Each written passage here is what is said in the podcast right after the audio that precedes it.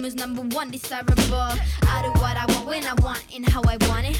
Leave you with the one in the air, that's how I roll. I got tons of soul, I'm true collectible. Famous, also famous, number one, desirable. I do what I want when I want and how I want it. Leave you with the one in the air, that's how I roll. Meil on käes äh, lummav suvi, ma mäletan, Elis, kui me sinuga viimati nägime, siis mul oli seljas kasukas ja täna ma tulin Maikaga ja see, kuna me viimati nägime, ei olnud üldse nagu kaua aega tagasi, et see oli mingi nädal. Welcome to Estonia, aga tänane saade, kust küll alustada, ma olen väga elavi-, elevil, ma arvan, Elis, sina oled ka, ja küsimusi on meil, ma arvan, poole vähem, kui tegelikult tahaks küsida, et saade tuleb kindlasti väga, väga, väga, väga, väga vinge. ja külaline, kes meil on, ma täitsa lausa tahaks, et sa iseennast tutvustad, aga ma, ma ei tea, kuidas sul mugavam on, kas ma loen ette või sul on endal sihuke juba paika pandud, kuidas sa ennast esitleda tahad ma täiega tahan, et sina loed ette. no teeme siis nii, trummipurin, trummipõrin. meil on täna külas siis selline särav noor naine nagu Marilyn Jurman, tere Marilyn. Tere. ja ma siis kirjeldan ka siin rohkem kui paari lausega, kellega üldse tegu on. et Marilyn on siis jooga ja mõtteviisi koolitaja ning särav noor naine, nagu ma juba mainisin, kes on elu, elus läbi käinud kireva ning värvika teekonna. Marilyn usub, et elu koosneb suhetest, mida inimene on elu jooksul kogenud. ainult läbi nende suhete, mida on ta ise kogenud, oskab ta täna toetada inimesi, kes on sarnasel teekonnal. Marilyn õpetab koolitustel erinevaid jooga ja elujuhtimise vahendeid ja üheks nendest on kusjuures suhetes selguse ja suurema tähenduse leidmine. ta on ise tänu sellele tehnikale saanud selgust ja julguse vahetada elukutsest, elukutset näitlemisest koolitajaks, lasta lahti nii mõnestki halvast sõltuvusest ja kirjutanud oma esimese noorteromaani Mul hakkasid päevad, hashtag ei on ei. Kuidas kirjeldus oli? no nii mõnus oli, kõik võiks, ma võiks niimoodi, et ma iga hommiku ma ärkan ülesse, siis sa oled mul seal voodi kõrval, ma teen silmad lahti ja siis sa loed mulle selle ette ja siis ma tunnen, et ah, no vaata, nüüd ma võin minna asju tegema. igahommikune korralik pep-talk. jah, täpselt nii. aga räägi, mida sa üldse enne siia tänast podcast'i tege-, tegemist tulid, kas sa kuidagi üldse valmistasid ette ka ennast? Siia tulekuks või? jah. ei mul on selline mm, teooria või, või kuidas öelda um,, komme. ei, ma pean ikka selle ära võtma, selle kõrvaklapi, nii on palju parem jah Ja ma võtan ikka ära. siis ma räägin nagu rohkem nagu otse sinuga, kõikide juhtmete vastu läksin nüüd jah. ei ole hullu. mul on selline komme, et ähm,, et ma mõtlen, kui mina olen aus, kui ma olen siiras, siis mul ei ole midagi karta. see tähendab, et kui ma juba olen selle mõtteviisiga, et ma lihtsalt lähen ja olen mina ise, ma lihtsalt vastan sellele, mis nad küsivad, nii nagu ma räägiksin oma sõbrannaga juttu, siis ma noh, siis ei ole midagi karta.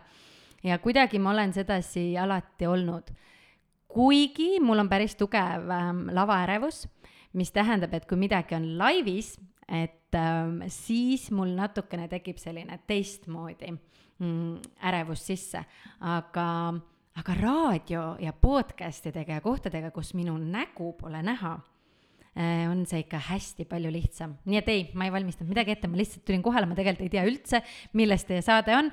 laske tulla. aga meil on praegu ka ju kusjuures äh, live, kus sa oled pildis, kas praegu on ka ärevus siis? Sellepärast ma võin öelda ka, kes siin mõned vaatavad, et sellepärast ma panin ka selle laivi niimoodi, et ta ei ole mul otse ees, vaid et ta on mul külje peal. et äh, siis äh,, kes vaatavad seda hashtag ANA Instagrami laivi, nad saavad lihtsalt äh, nii-öelda jälgida, mis me räägime, aga ma otseselt ei suhtle selle laiviga, sest muidu mul jah, tekiks väike ärevus sisse ilmselt. see, millest sa rääkisid, on tegelikult täpselt, täpselt see, mille eest ka ausad naised seisavad, sa ütlesid, et sa tulid niimoodi, et äh, sa ei valmistanud midagi ette, et see on sinu jaoks ausus ja siirus ja tegelikult me igat saadet üritame nii hoida ka.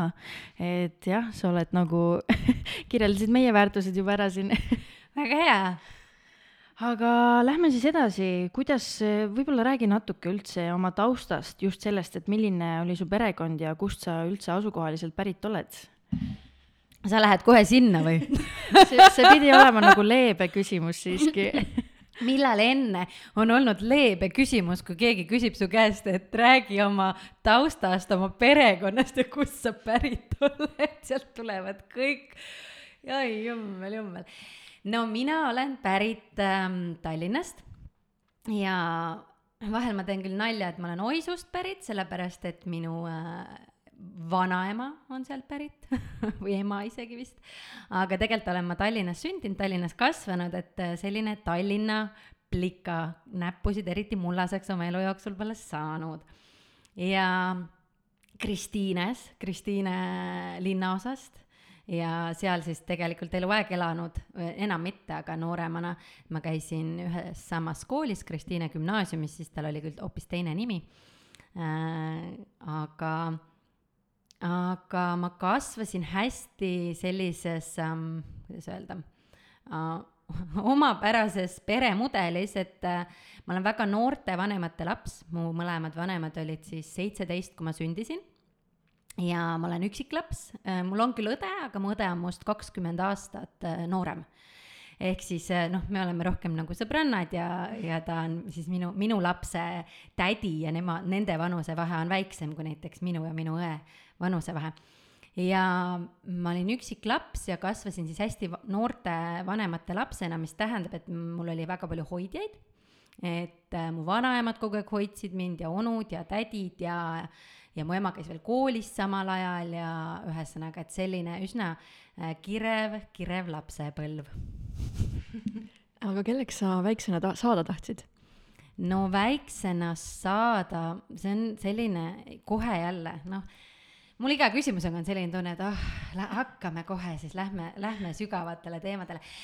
ma üldiselt väga olen hakanud viimasel ajal mõtlema, et kas see, kelleks äh, mina tahtsin väiksena saada, on tegelikult ka see, kelleks ma tahtsin väiksena saada, ehk siis, et kui palju äh, meie mälestustes äh, see nii-öelda, ma tahtsin väiksena saada selleks, on see, kes me, kelleks me tegelikult tahtsime saada või see, mida meie vanemad ja meie tuttavad ja sugulased meile ütlesid, et oh, et sina peaks selleks saama või sulle sobiks see amet.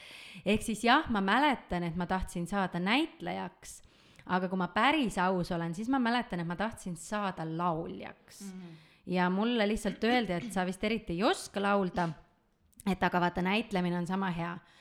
ja, ja ühelt poolt nagu oli siis õigus nendel noh, lapsevanematel ja sugulastel ja lasteaiakasvatajatel ja kõigil, kes mind sinna näitlemise teele suunasid, aga teiselt poolt nagu ei olnud ka, sest et ma arvan, et ma ei tahtnud kunagi saada otseselt lauljaks sellepärast, et ma tahtsin esineda. et kuidagi millegipärast see oli nagu see koht, kus ma nüüd tagantjärgi näen, et läks natukene nagu see mõistmise koht, noh, ei läinud täpselt nii, nagu võib-olla ma tegelikult tahtsin või ei osatud võib-olla lugeda seda kohta, et mis mind tegelikult huvitas, et et see lavale pääsemine, et ju ma olin väga ekstravertne ja tundus, et oh, et sobib hästi lavale, aga mulle meeldis selle kõige juures see mäng ja see looming, ehk siis tegelikult mulle meeldis lugusid välja mõelda, mulle meeldis luua asju ja mulle meeldis laule kirjutada, et kui ma ütlesin, ma tahan saada lauljaks, siis tegelikult ma kirjutasin ise kogu aeg laule väiksest peale ja ma lindistasin neid oma kassettmakki.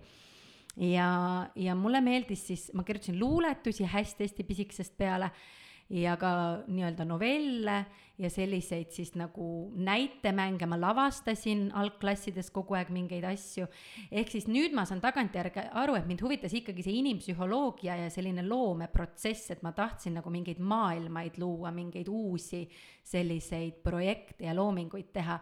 ja alles äh, täiskasvanu eas sain aru, et ma nii väga nagu sinna noh, ma oskan laval olla ja ma saan seal olla, aga nagu ma ütlesin, mul tegelikult on alati lavanärv olnud ja, ja see on nii, kohati nii piinarikas, et, et noh, ma lihtsalt enam ei, mingi hetk ei kippunud sinna lavale, et et filmida on üks asi ja seriaalid ja filmid, kus tehakse ette, aga just see selline live esinemine oi, oi-oi-oi, see on ikka raske mu jaoks.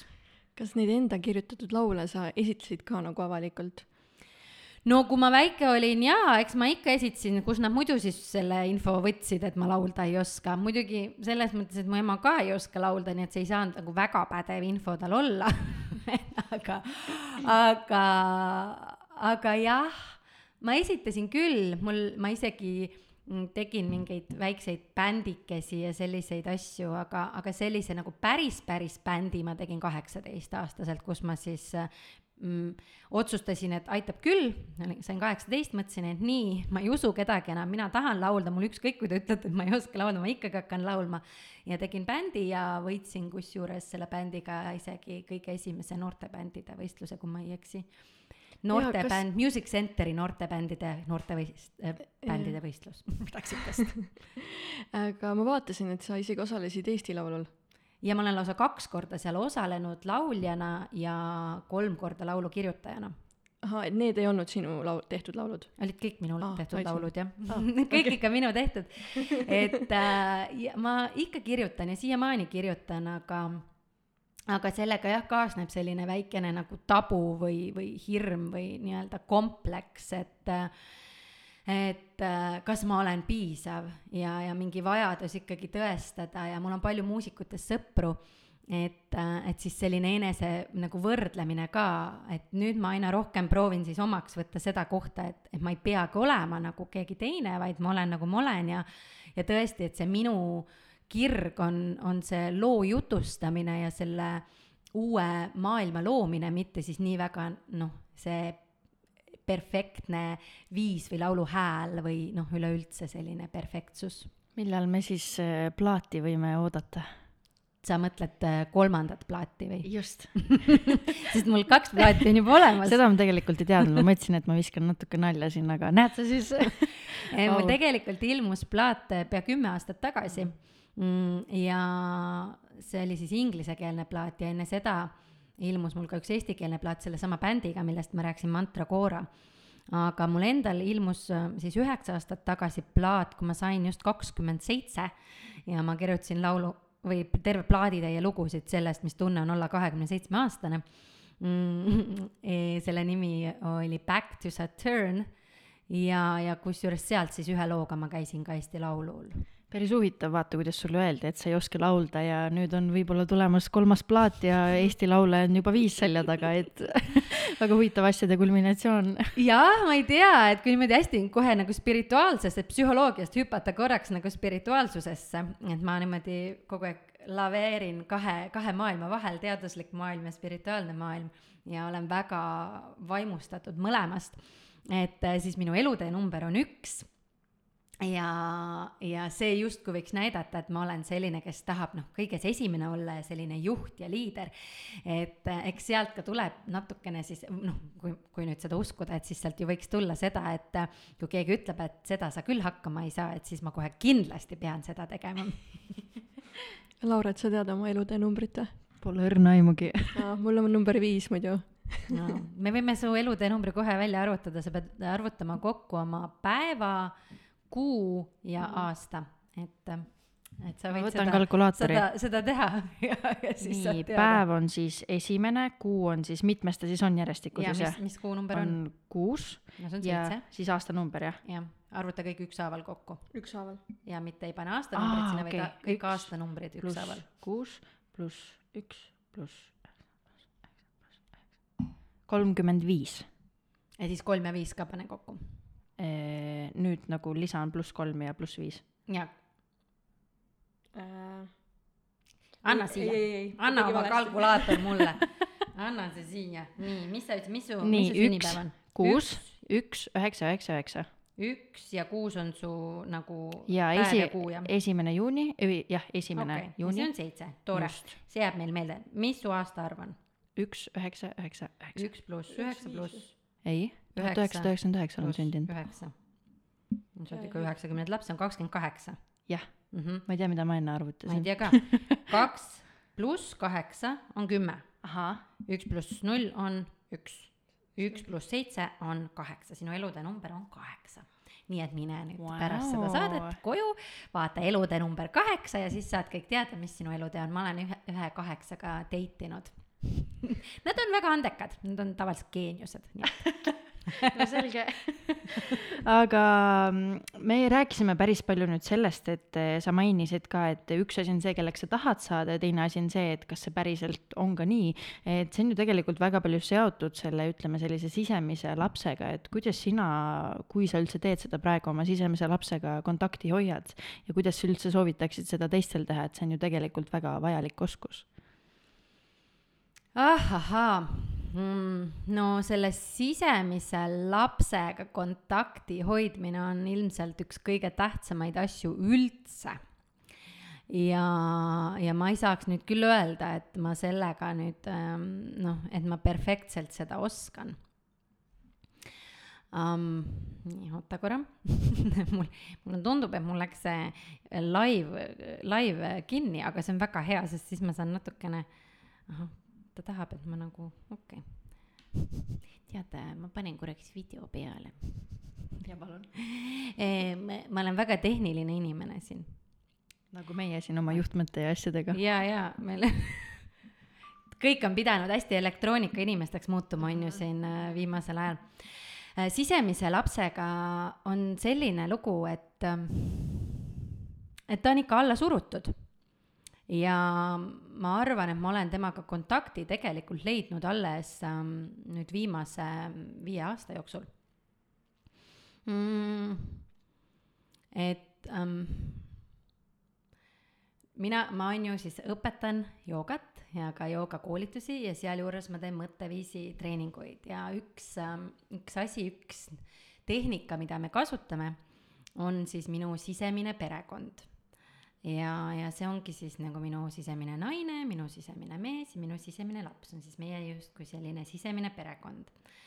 ja, ja nagu sa ilusti ütlesid, et see kontakti loomine, et see siis võiks kõigiga tegelikult olla terve, nii-öelda healthy mm,. et enamasti need kontaktid on meil neil, nendega nagu olemas, aga, aga see kontakt ei pruugi alati terve olla. Et, et küsimus ei ole jah nii väga selles, et kas mul on või ei ole temaga kontakti, vaid pigem, kuidas ma oma sisemise lapsega käitun. kas ma lasen tal rõõmu tunda ja mängida või ei lase. ja naine, naisenergia sinus tahab ähm, tahab hellust, naisenergia tahab, et, äh, et tema eest hoolitsetakse, ta tahab, ta on nii-öelda saav energia, selline, mis siis äh, saab sellist, ma ei tea, mudimist ja poputamist ja et vahel me mõtleme, et ta on justkui emalik, et tegelikult on natuke vastupidi, ta on emalik küll, aga, aga see naisenergia, ta on kõigil olemas, meestel ka, ja see on see, mis tahab seda sellist ähm, mm, nagu pehmust meesenergia on aktiivne, tema tahab tegutseda, tema tahab äh, teha projekte, korraldada mm,, olla siis toeks kõigile ja nii edasi. Et ja nad võiksid, on ju, mõlemad olla terved, et, et ma mõlemat teen. aga lapse energia on uudishimulik, mänguline äh,. Inglise keeles on hästi hea sõna joy, mida mina ei ole suutnud siiani eesti keelde tõlkida. et sest see ei ole nagu rõõm, ta on nagu selline joovastus või selline nagu mm, lustlikkus. ja, ja see, ma tunnen, on tõesti noh, ikkagi väga mitteterve, mitte ainult mul, vaid väga paljudel, et, et, et me enamasti nagu ei, ei luba endal tunda sellist mõnusat uudishimu või rõõmu lihtsalt asjadest või elust et ta ikkagi kipub nagu minema sinnapoole ära, et kas siis äh, me hakkame mingisuguseid äh, noh, aineid tarvitama, alkoholi või suitsetama või midagi, et mõtleme, et nüüd me on ju, lubame ennal lõdvestada, aga see ei ole ju see. või vastupidi, et siis me nagu läheme tegelikult sinna naise energiasse, me laseme ennast hästi poputada, et oh, nüüd ma olen siin. aga lapse energia, kui sa vaatad väikseid lapsigi, et nad on sellised nagu noh, rõõmsameelsed, uudishimulikud ja vabad. ja ja kui ma mõtlen enda peale, siis mina, ma võin justkui jätta sellise mulje, et ma seda olen. aga nüüd viimastel aastatel ma olen aru saanud, et, et tegelikult nii väga ei ole.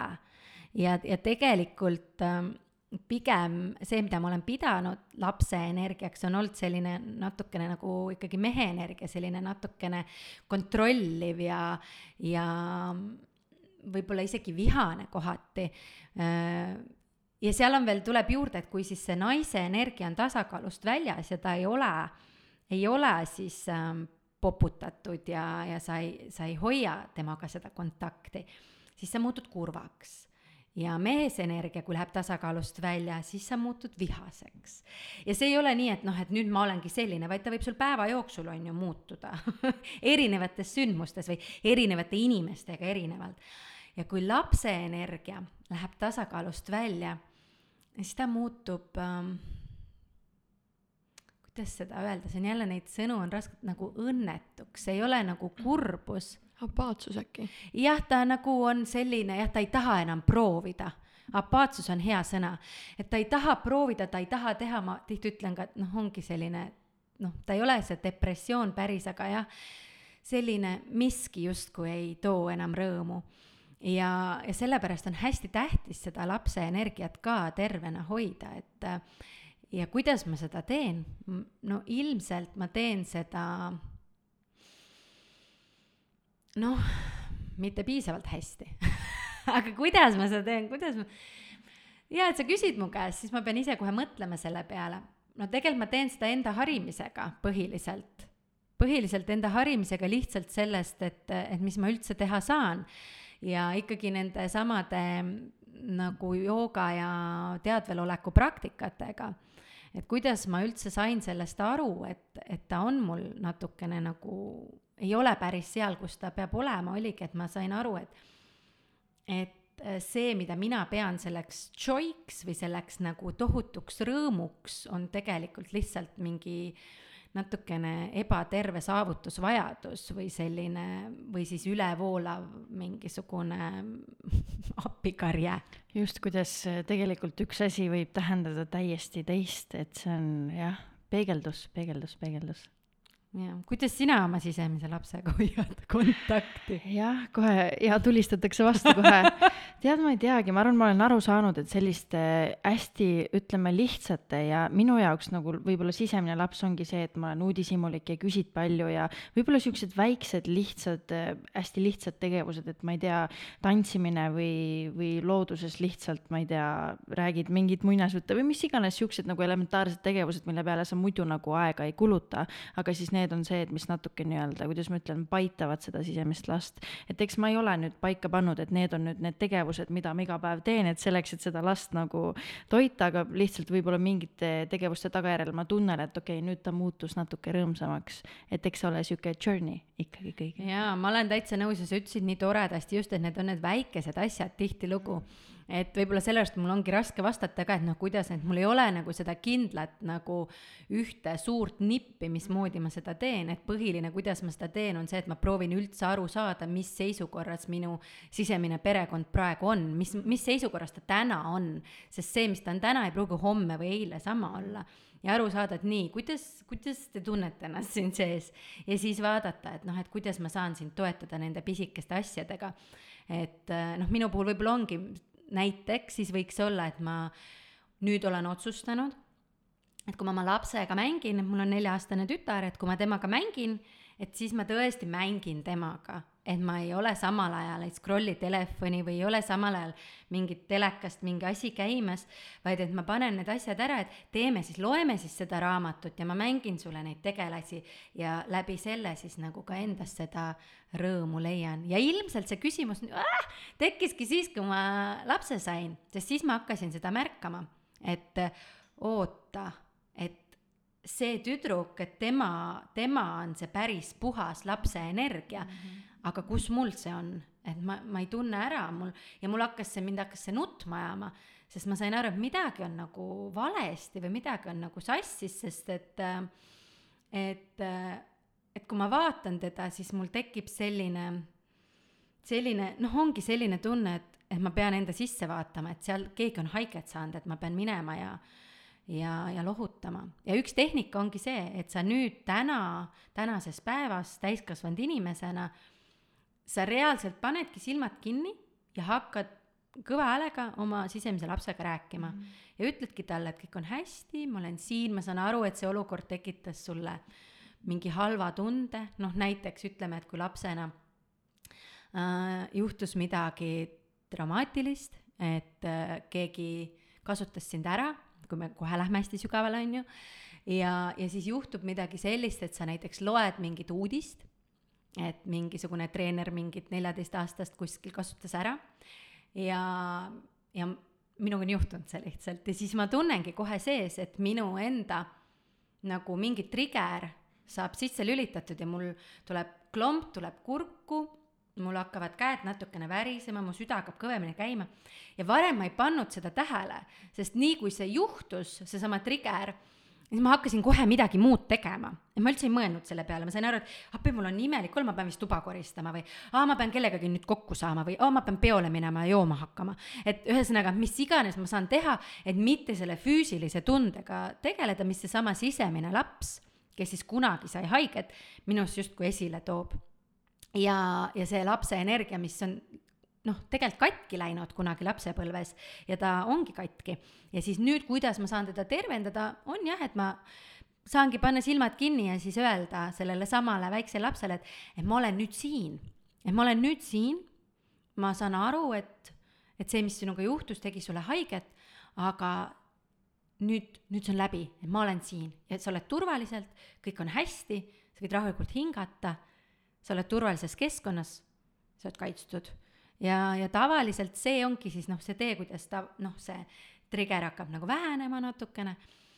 ja, ja kui ma oma noh, ma ei, ma ei taha öelda klientidega, aga õpilastega siis jah, ma ütlen, kui ma oma õpilastega räägin, et siis äh, nad tihti küsivad, et aga noh, nagu sinagi, et aga mis sa teed ütle mulle see üks asi, mis sa teed ja ütlevad mulle ka, et aga mis ma pean tegema, et, et see üle läheks, et ma terveks saaks.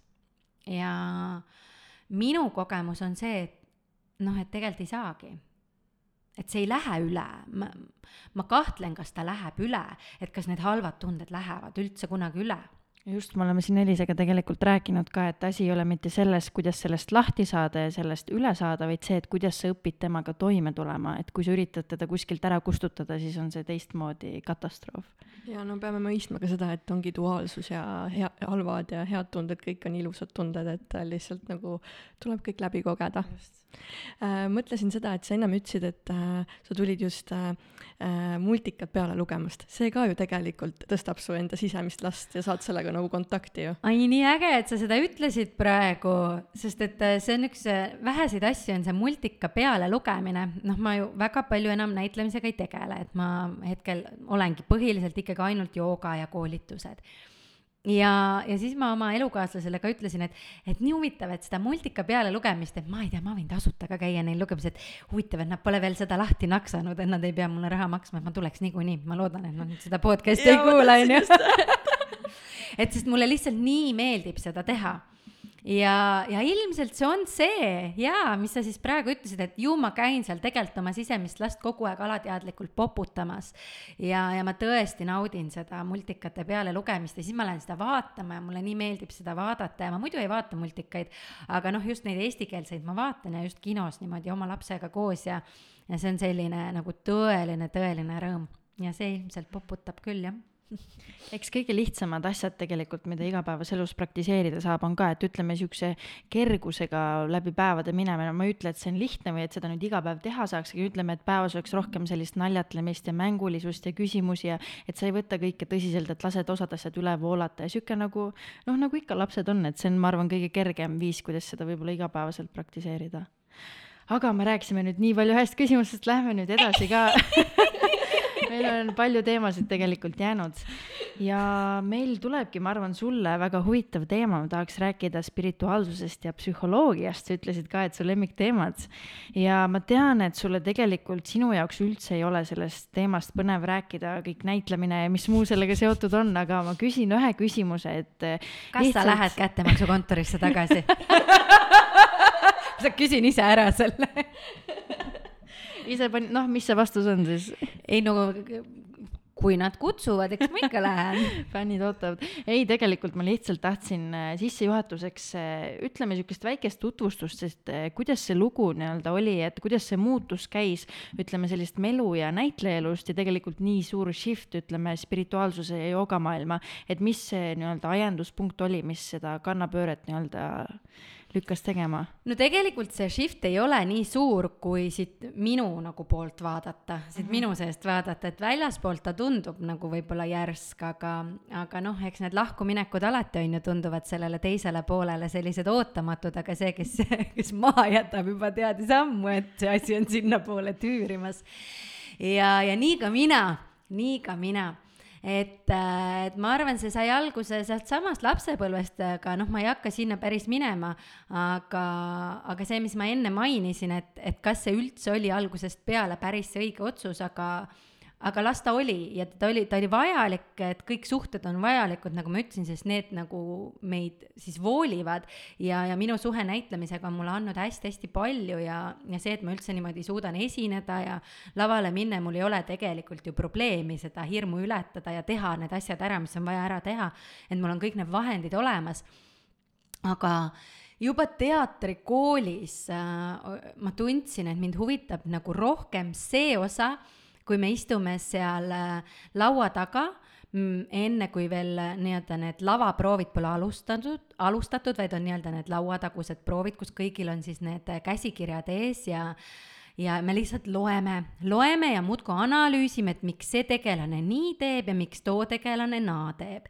ja see oli alati mulle kõige-kõige huvitavam osa selle asja juures, et analüüsida, et mis need põhjused on, miks ta ikka nii käitub, miks ta tema seal maha jättis ja miks ta talle kallale läks ja miks ta äh,, ma ei tea, mis iganes siis on ju need variandid olid ja kui me lavale juba lavaproove hakkasime tegema, siis see oli minu jaoks alati natuke selline nagu oh, nagu selline ületus ja selline natuke nagu keerulisem. ja, ja tavaliselt ma nii-öelda neid esietendust ma isegi ei mäletanud kunagi ja enamasti noh, kuni ma ei tea, sadu kordi, kui ma võisin ühte sama etendust mängida, siis esimesed nagu viis minutit laval ma lihtsalt tudisesin ja värisesin ja suurest ärevusest lihtsalt, ükskõik kui selge mul see siis oli ja no ega seda teised ei näinud ja keegi ei saanudki aru mitte kunagi. no mina ise tundsin ja, ja ükskord mu kursaõde, kui me rääkisime kuidagi grupis, me arutasime seal mingeid asju ja ta küsis mu käest, Lüün, aga Lüün on siis mu hüüdnimi tihtilugu nendes ringkondades, Lüün, aga miks sa psühholoogiat õppima ei läinud? ja ta lihtsalt küsis ja aus vastus, ma tahtsingi minna psühholoogiat õppima, aga psühholoogiaõpingutel oli vaja matemaatikaeksamit. ja ma olin juba ära otsustanud, et ma ei tee matemaatikaeksamit. ja keskkoolis siis. ja ma ei teinud seda ja siis ma teadsin, et see ei ole üldse variant, et ma ei saa seda minna õppima ja ongi kõik. muidu võib-olla ma oleksin äh, seda oma teise valikuna kaalunud ja ma ei saanud ju lavakasse sisse esimesel korral ja ma siis võib-olla oleksin kaalunud psühholoogiat minna õppima, aga ma läksin hoopis Kunstiakadeemiasse. mul endal oli ju sama, et äh, no mu teine valik oli psühholoogia ja siis äh, ja siis ma ei saanud, sest need olid nii, nii keerulised minu jaoks et aga jaa, eh, nüüd on elu teistpidi mänginud, et äh, olen äh, Läks nagu minema peab. jah, nii no nagu minema peab. alati Just. läheb nii, nagu minema peab. et tegelikult ju äh, need rollid, millest sa rääkisid, kuidas te nagu süvenete nendesse tegelastesse, et see on ka ju mingil määral psühholoogiaga nagu seotud, on ju, et, et väga põhjalikult tuleb nagu ähm, nii-öelda süveneda, miks ta niimoodi käitub, on ju, et äh, mis sind ennast nagu psühholoogia juures kõige rohkem paelub? No ilmselt see inimene paelubki, et äh, aru saada mm, sellest, et ähm, see aju, aju pakub mulle huvi, aju ja hing, mõlemad. ja nüüd keha ka, aju, hing ja keha kolm asja, mis mulle väga pakuvad huvi. ja ja keha siis just nagu selle koha pealt, mitte otseselt, et mis lihased kus on ja mis äh, luud kus on, vaid mismoodi keha traumat äh, vastu võtab, ka emotsionaalset traumat ja mismoodi keha talletab emotsionaalset traumat, et seda on ka nüüd ju päris palju teaduslikult uuritud. hästi kihvt raamat on, et äh, keha peab arvet, mis räägibki konkreetselt sellest ja on nüüd ühe arsti kirjutatud, mul ei tule nimi meelde. ja ja just äh, täpselt see nagu pakub mulle huvi kõige rohkem, see inimene ja seal teatrikoolis ka mulle pakkus ikka see inimene kõige rohkem huvi. ja ilmselt mingisugune nagu ähm, selline sisemine vajadus äh, aidata või toetada või kuidagi siis äh, noh, egoistlikult võib öelda, on ju, et märki endast maha jätta et, et ma kuidagi sain midagi mõjutada. ja viimane etendus, mis ma tegin, on väga naljakas äh, või noh, tegelikult äh, viimane kord, kui ma laval olin, ei olnud see konkreetne lavastus, aga see oli viimane nii-öelda uus lavastus, mida ma siis tegin ja mida me mängisime, kandis nime. Äh, me tahame luua näitemängu, mis muudaks maailma ja kogu teatrietendus oli sellest, kuidas, kuida-, kui sa tahad maailma muuta, siis vali mingi teine elukutse kui näitlemine sellepärast, et äh, siis mine ja tee päriselt midagi, mis muudaks maailma, mitte ära mine lavale näitlema noh, see oli selline noh, poolirooniline, see üks Tšiili lavastaja ja nende enda kirjutatud ja hästi noh, kihvt näitemäng ja selline lahe. aga, aga ausalt öeldes see pani mind mõtlema ja, ja ma arvan, see kogu see lavastusprotsess pani mind nii sügavalt selle üle mõtlema, et oota, et kui ma päriselt tahan maailma muuta, et mis ma siis päriselt saan teha? Sest et ma ei ole ka kindel, kas ma saan seda teha teatris, no ma väga armastan teatrit ja ma väga armastan teatrikunsti, loomulikult ma olen seda ju nii kaua teinud. ja, ja ma usun, et see muudab maailma ja iga inimene, kes käib vaatamas, ta saab sealt ju sellise nagu inspiratsiooni, motivatsiooni, toetuse, täpselt nagu raamatuid lugedes, romaane lugedes, siis ma mõtlen aga mind hakkas väga ikkagi paeluma nagu see koht, et hmm, aga mis nagu veel on, mis ma veel saaksin teha, kas on midagi, kuidas ma saan nagu, nagu kuidagi sihipärasemalt sellele inimesele ligi. ja siis juhtus selline noh, nagu vangerdus, ma räägin, et siit minu seestpoolt vaadates see on hästi loogiline kõik olnud, nagu sa ütlesid, see ongi üks suur psühholoogia tegelikult, see teatrikunst. ja juhtus vangerdus, et me oma baka lõputöö teatrikunstis, minu lavastaja kuna ma olin langenud sügavasse depressiooni kolmanda kursuse poole pealt, neljandas siis juba sealt tänu oma lõputööle vaikselt välja roomamas ja minu juhendaja, lavastaja, väga-väga armas äh, inimene mm, Peeter Raudsepp soovitas mulle, et äkki sa kirjutaksid selle lõputöö Carl Gustav Jungist, kes on siis äh, üks äh, nii-öelda äh, psühhoanalüüsi loojaid. jaa, väga tuntud nagu igal pool kus ja. ma olen lugenud, on tema nimi käib läbi. ta on väga tuntud jah, aga ta ei ole nüüd tegelikult nüüd seal, see psühholoogia, mida ma praegu õpin, ta ei ole väga nagu teaduslik psühholoog, et tema siis meetodid olid nagu, et ta ikkagi tegi nagu intervjuusid ja siis oma patsientidega nagu nii-öelda need juhtumianalüüsid ja sellised psühhoanalüüs siis ja ja, ja mitte nii väga seda, et äh, oli kontrollgrupp ja siis anti neile teistele mingit ravimit ja siis vaadati, mis siis juhtub, et mitte see, vaid rohkem selline, et mis su lapsepõlves juhtus ja ja, ja kuidas sa oma isaga läbi said ja sellised nagu asjad rohkem. Aga minu ja tema läks Carl Gustav Jungil on veel selline huvitav, et tema läheb veel nii kaugele ka, et ta räägib sellisest asjast nagu kollektiivne alateadvus, mida nagu noh paljud võib-olla ikkagi teadusinimesed nimetaksid muinasjutu vestmiseks natukene, aga minu jaoks oli see väga huvitav, ehk siis, et me, meil kõigil on ka selline kollektiivne alateadvus. Ja ma arvan, et näiteks praegu selle Covidi teemaga me kõik tajume, et on mingi kollektiivne hirm, on mingi kollektiivne kogemus. Ja et see võib jätta siis noh, mingi kollektiivse nagu ähm, jälje tegelikult tulevastele põlvkondadele, kes siis seda nii-öelda edasi kannavad ja nii edasi ja nii edasi. ja ta rääkis veel arheotüüpidest, mis on siis ähm, mm, erinevad nii-öelda, kuidas öelda siis äh, rollid, mida me teeme, me võime olla siis kas need abistajad või emad või, või kuningad või noh, sellised siis erinevad, need jokkerid või need külanarrid ja nii edasi. aga üks asi, mida ta puudutas ja millest mina, ma ei ole Jungi spetsialist, et selles mõttes äh, ma ei tea, on ju, tema kõikide asjade kohta tohutult palju, aga asja kohta, millest ma tean päris palju, sest ma kirjutasin oma lõputöö selleks, on siis sotsiaalne mask ehk persona. ja, ja minu siis juhendaja soovitas, et kirjuta sellest oma lõputöö.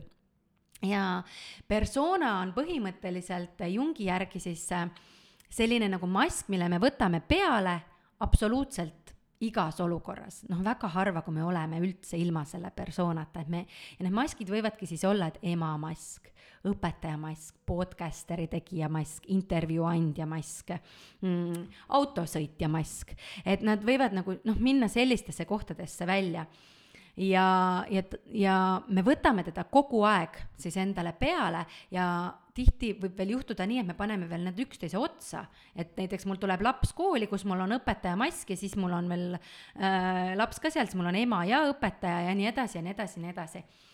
ja näitlejana oleks vajalik, et sa oskad need maskid maha võtta, et sa saad sinna üldse mingi nagu rolli panna peale ja mina olin seda siis praktiseerinud ja hakanud tegema.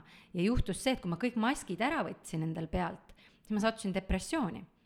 Sellepärast et äh, mul kadus ära võimalus mm, saada mit- mingisugustki sotsiaalset tunnustust, sest kui mul ei olnud enam ühtegi maski, see tähendab, et ma enam ei öelnud inimestele tšau, kuidas sul läheb, ma ei kallistanud, ma ei olnud, ma ei näidanud midagi enam välja, vaid ma lihtsalt olin lihtsalt olin neutraalselt. aga tänu sellele ka teised inimesed enam mulle ei andnud midagi.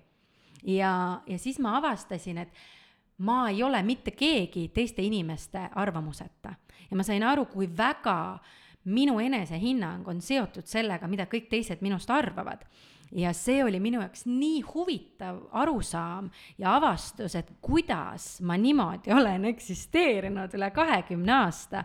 et, et mul puudub igasugune arvamus tegelikult iseendast, vaid kogu minu arvamus on, et milline ma olen sellise inimese arust või sellise inimese arust. kui tema ütleb, et sa oled äge, siis ma ütlen, aa, ma olen selline äge inimene, kui tema ütleb, sa oled ju sihuke jutukas, sa oled jutukas, siis mina ütlen, et aa, ma olengi jutukas. Või kui minu vanemad mulle ütlevad, et sa peaks näitlejaks saada, siis ma, aa, ma vist peaks näitlejaks saama, aga mis mina olen, mida mina tegelikult tahan, kes mina tegelikult olen.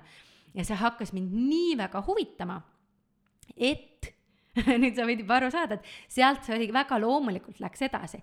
seal oli küll selline viieaastane vahe, et ma ikkagi ju väga pikalt ikkagi olin näitleja, ma kogu aeg nende teemadega tegelesin edasi ja mõtlesin ja uurisin ja lugesin hästi palju raamatuid nendel teemadel edasi, kuni siis äh, mm, ma kirjutasingi selle plaadi, ma olin kakskümmend seitse, äh, sellepärast et see ilmselt oli selline vajadus nagu välja saada endast seda ängi, seda, et aga kes mina olen, kes ma selline olen, et kahekümne seitsme aastaselt ma nii-öelda siis esitasin selle suure küsimuse endale lõpuks, et kes mina üldse olen.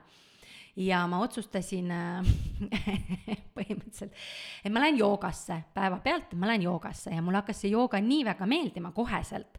Ja, ja ta andis mulle mingi sellise tohutu boost'i, et ma jätsin maha suitsetamise, ma lahkusin suhtest, mis oli selline täiesti nagu mitte terve ja ma läksin reisima.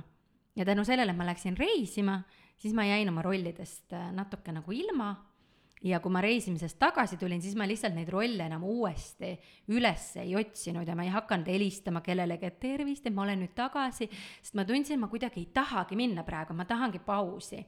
aga vaata, kui sa näitlejana oled nii kaua plaanilt eemal, siis inimesed hakkavad sind vaikselt ära unustama, ega nad väga ei kutsu sind, kui sa ise ei lähe ennast meelde tuletama. ja ainult need multikad jäidki mulle, siis need pealelugemismultikad. ja, ja siis sealt kuidagi nagu ma hakkasin mõtlema selle üle, et oot, aga kui ma ei taha näidelda, ma teadsin kogu aeg, et ma laulda tahan või laule ma tahan kirjutada ja muusikat ma tahan teha, seda ma nagu kogu aeg olen teadnud ja tundnud ja sellega mul ei ole mingit küsimust, aga just, et kui ma ei taha minna lava peale näitlema, mis ma siis tahan teha. ja siis mu üks sõbranna ütles mulle, et kuule, et sa oled nii energiline, jälle on ju keegi teine ütles, sa oled nii energiline, sa peaks olema aeroobikatreener siis ma mõtlesin okei okay,, võib-olla tõesti ma peaks olema aeroobikatreener, et see kõlab väga huvitavalt. ja, ja ma hakkasin uurima, kuidas saada aeroobikatreeneriks Teil on juba nii palju küsimusi seal, oh my god, me ei saa mitte midagi küsida, ta lihtsalt räägib ja räägib räägib ja räägib. kohe saab lugu läbi, ma ütlen, kohe saab läbi. ma teen hästi kiiresti. ühesõnaga, aeroobikatreeneriks ja siis tuli välja, et see ei olegi nii lihtne, et seal on vaja mingisuguseid nagu pabereid ja asju teha ja kuidagi see pälvis sellega, et ma just siis kohtusin ühe noormehega jälle, loomulikult keegi teine jälle mind mõjutas, kes mulle väga meeldis ja ma armusin ära. ja siis me läksime lahku ja ma olin nii väga õnnetu selle pärast ja siis ma vaatasin Julia Robertsi Eat, Pray, Love'i ja siis sealt Julia Roberts läheb joogasse ja kõik ta elu muutub nii õnnelikuks ja siis ma mõtlesin, et oh, joogatreener, aeroobikatreener, et noh mis seal ikka väga suurt vahet saab olla, et ma lähen hoopis joogaõpetajate koolitusele, õpin hoopis joogaõpetajaks, et see on sama hea kui aeroobikatreener. Läksingi joogaõpetajate koolitusele, tuli välja, et see ei olegi nagu aeroobikatreener, vaid seal ma sain hoopis teada oma sisemise lapse, sisemise naise, sisemise mehe kohta.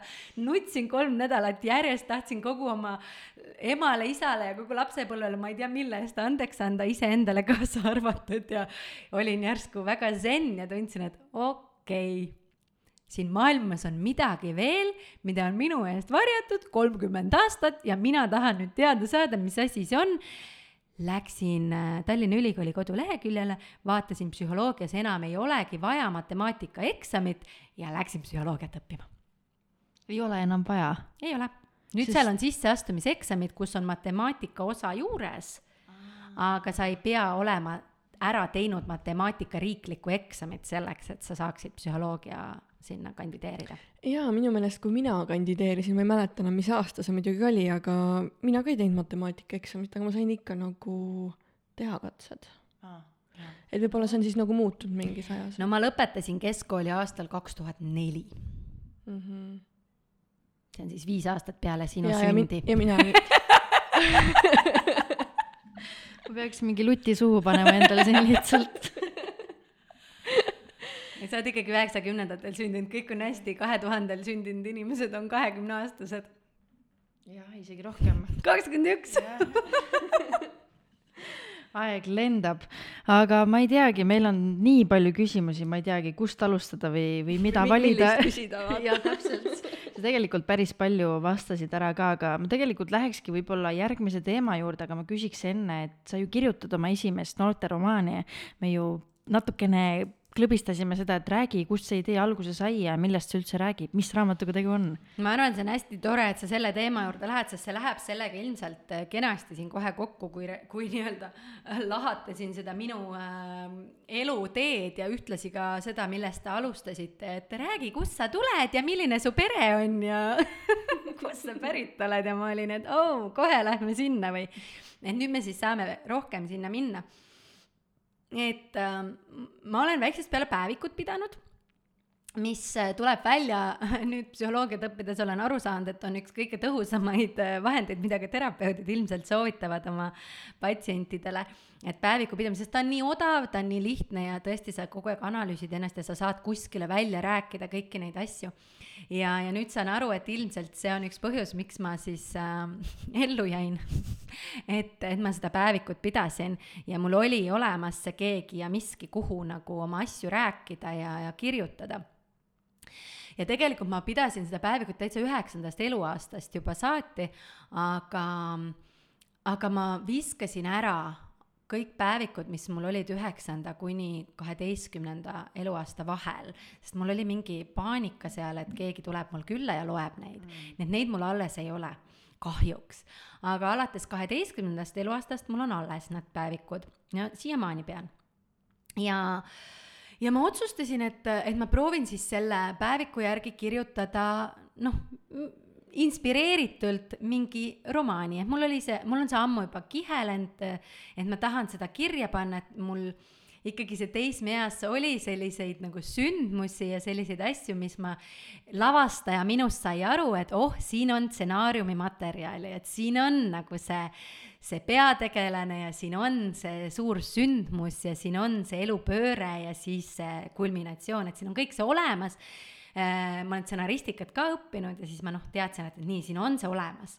ja ma tihti mõtlen nagu filmides või muusikavideodes, et, et eks, eks ma seda raamatut ka nagu kirjutades mõtlesin alati nagu seda kuidagi filmina ja võib-olla ta on kirjutatud ka natuke nagu filmina, et, et et ka minu laulud ja kõik asjad on alati sellised nagu lood, neil on algus, neil on sündmus, neil on lõpp, et mul ei ole väga selliseid äh, kuidas öelda lihtsalt, ma ei tule ühtegi head näidet, aga et, et äh, ma armastan sind, sa armastad mind, milleks meile see mäng, vaid on rohkem nagu selline, selline kord elas üks tüdruk ja siis ta läks sinna ja siis juhtus nii ja lõpuks ta siis leidis kellegi ja nüüd ta armastab sind ja mind. et äh, ja, ja ma mõtlesin, ma panen ta lihtsalt kirja ja ta oli mul seal olemas. aga siis kõik nagu hakkas korraga juhtuma. ühesõnaga, oi jummel, kui saaks ma ühtegi küsimust siis lühikeselt vastata, no ma ei oska, ma ütlesin teile seda kohe, ma ütlesin teile, et ärge te selle pärast muretsege, et te seda tundi aega täis saate. Uh, ühesõnaga äh, ja, ja siis ma nagu mm,, mu paljud sõbrad on, on kirjanikud ja nad on neid raamatuid kirjutanud ja, ja ma, kui ma olin kaheksateist mm, või isegi seitseteist, kaheksateist, üheksateist, kuskil seal vahemikus um,. ma teadsin, et, et Käsmus on kirjanike maja ja mul olid nagu paar tuttavat, kellel olid siis kas vanemad kirjanikud või nad ise olid kuidagi ja tollal oli kõik natuke lihtsam. nii et ma sain minna lihtsalt kirjanike liitu ja öelda, et mina ka olen kirjanik, sest noh, ma mingil määral olingi, kuna ma kirjutasin luuletusi küll sahtlisse. Ja ma pidin maksma neile mingisuguse sümboolse raha, mis oli võib-olla viis krooni. Ja siis ma sain lihtsalt selle Kirjanike Liidu nagu maja, Käsmu suvemaja võtme ja sain seal siis nii-öelda suvitada kirjanikega koos. Jaanus Rohumaa jalutas mulle seal ükskord vastu, ma mäletan, ma olin mingi oo oh, vau wow.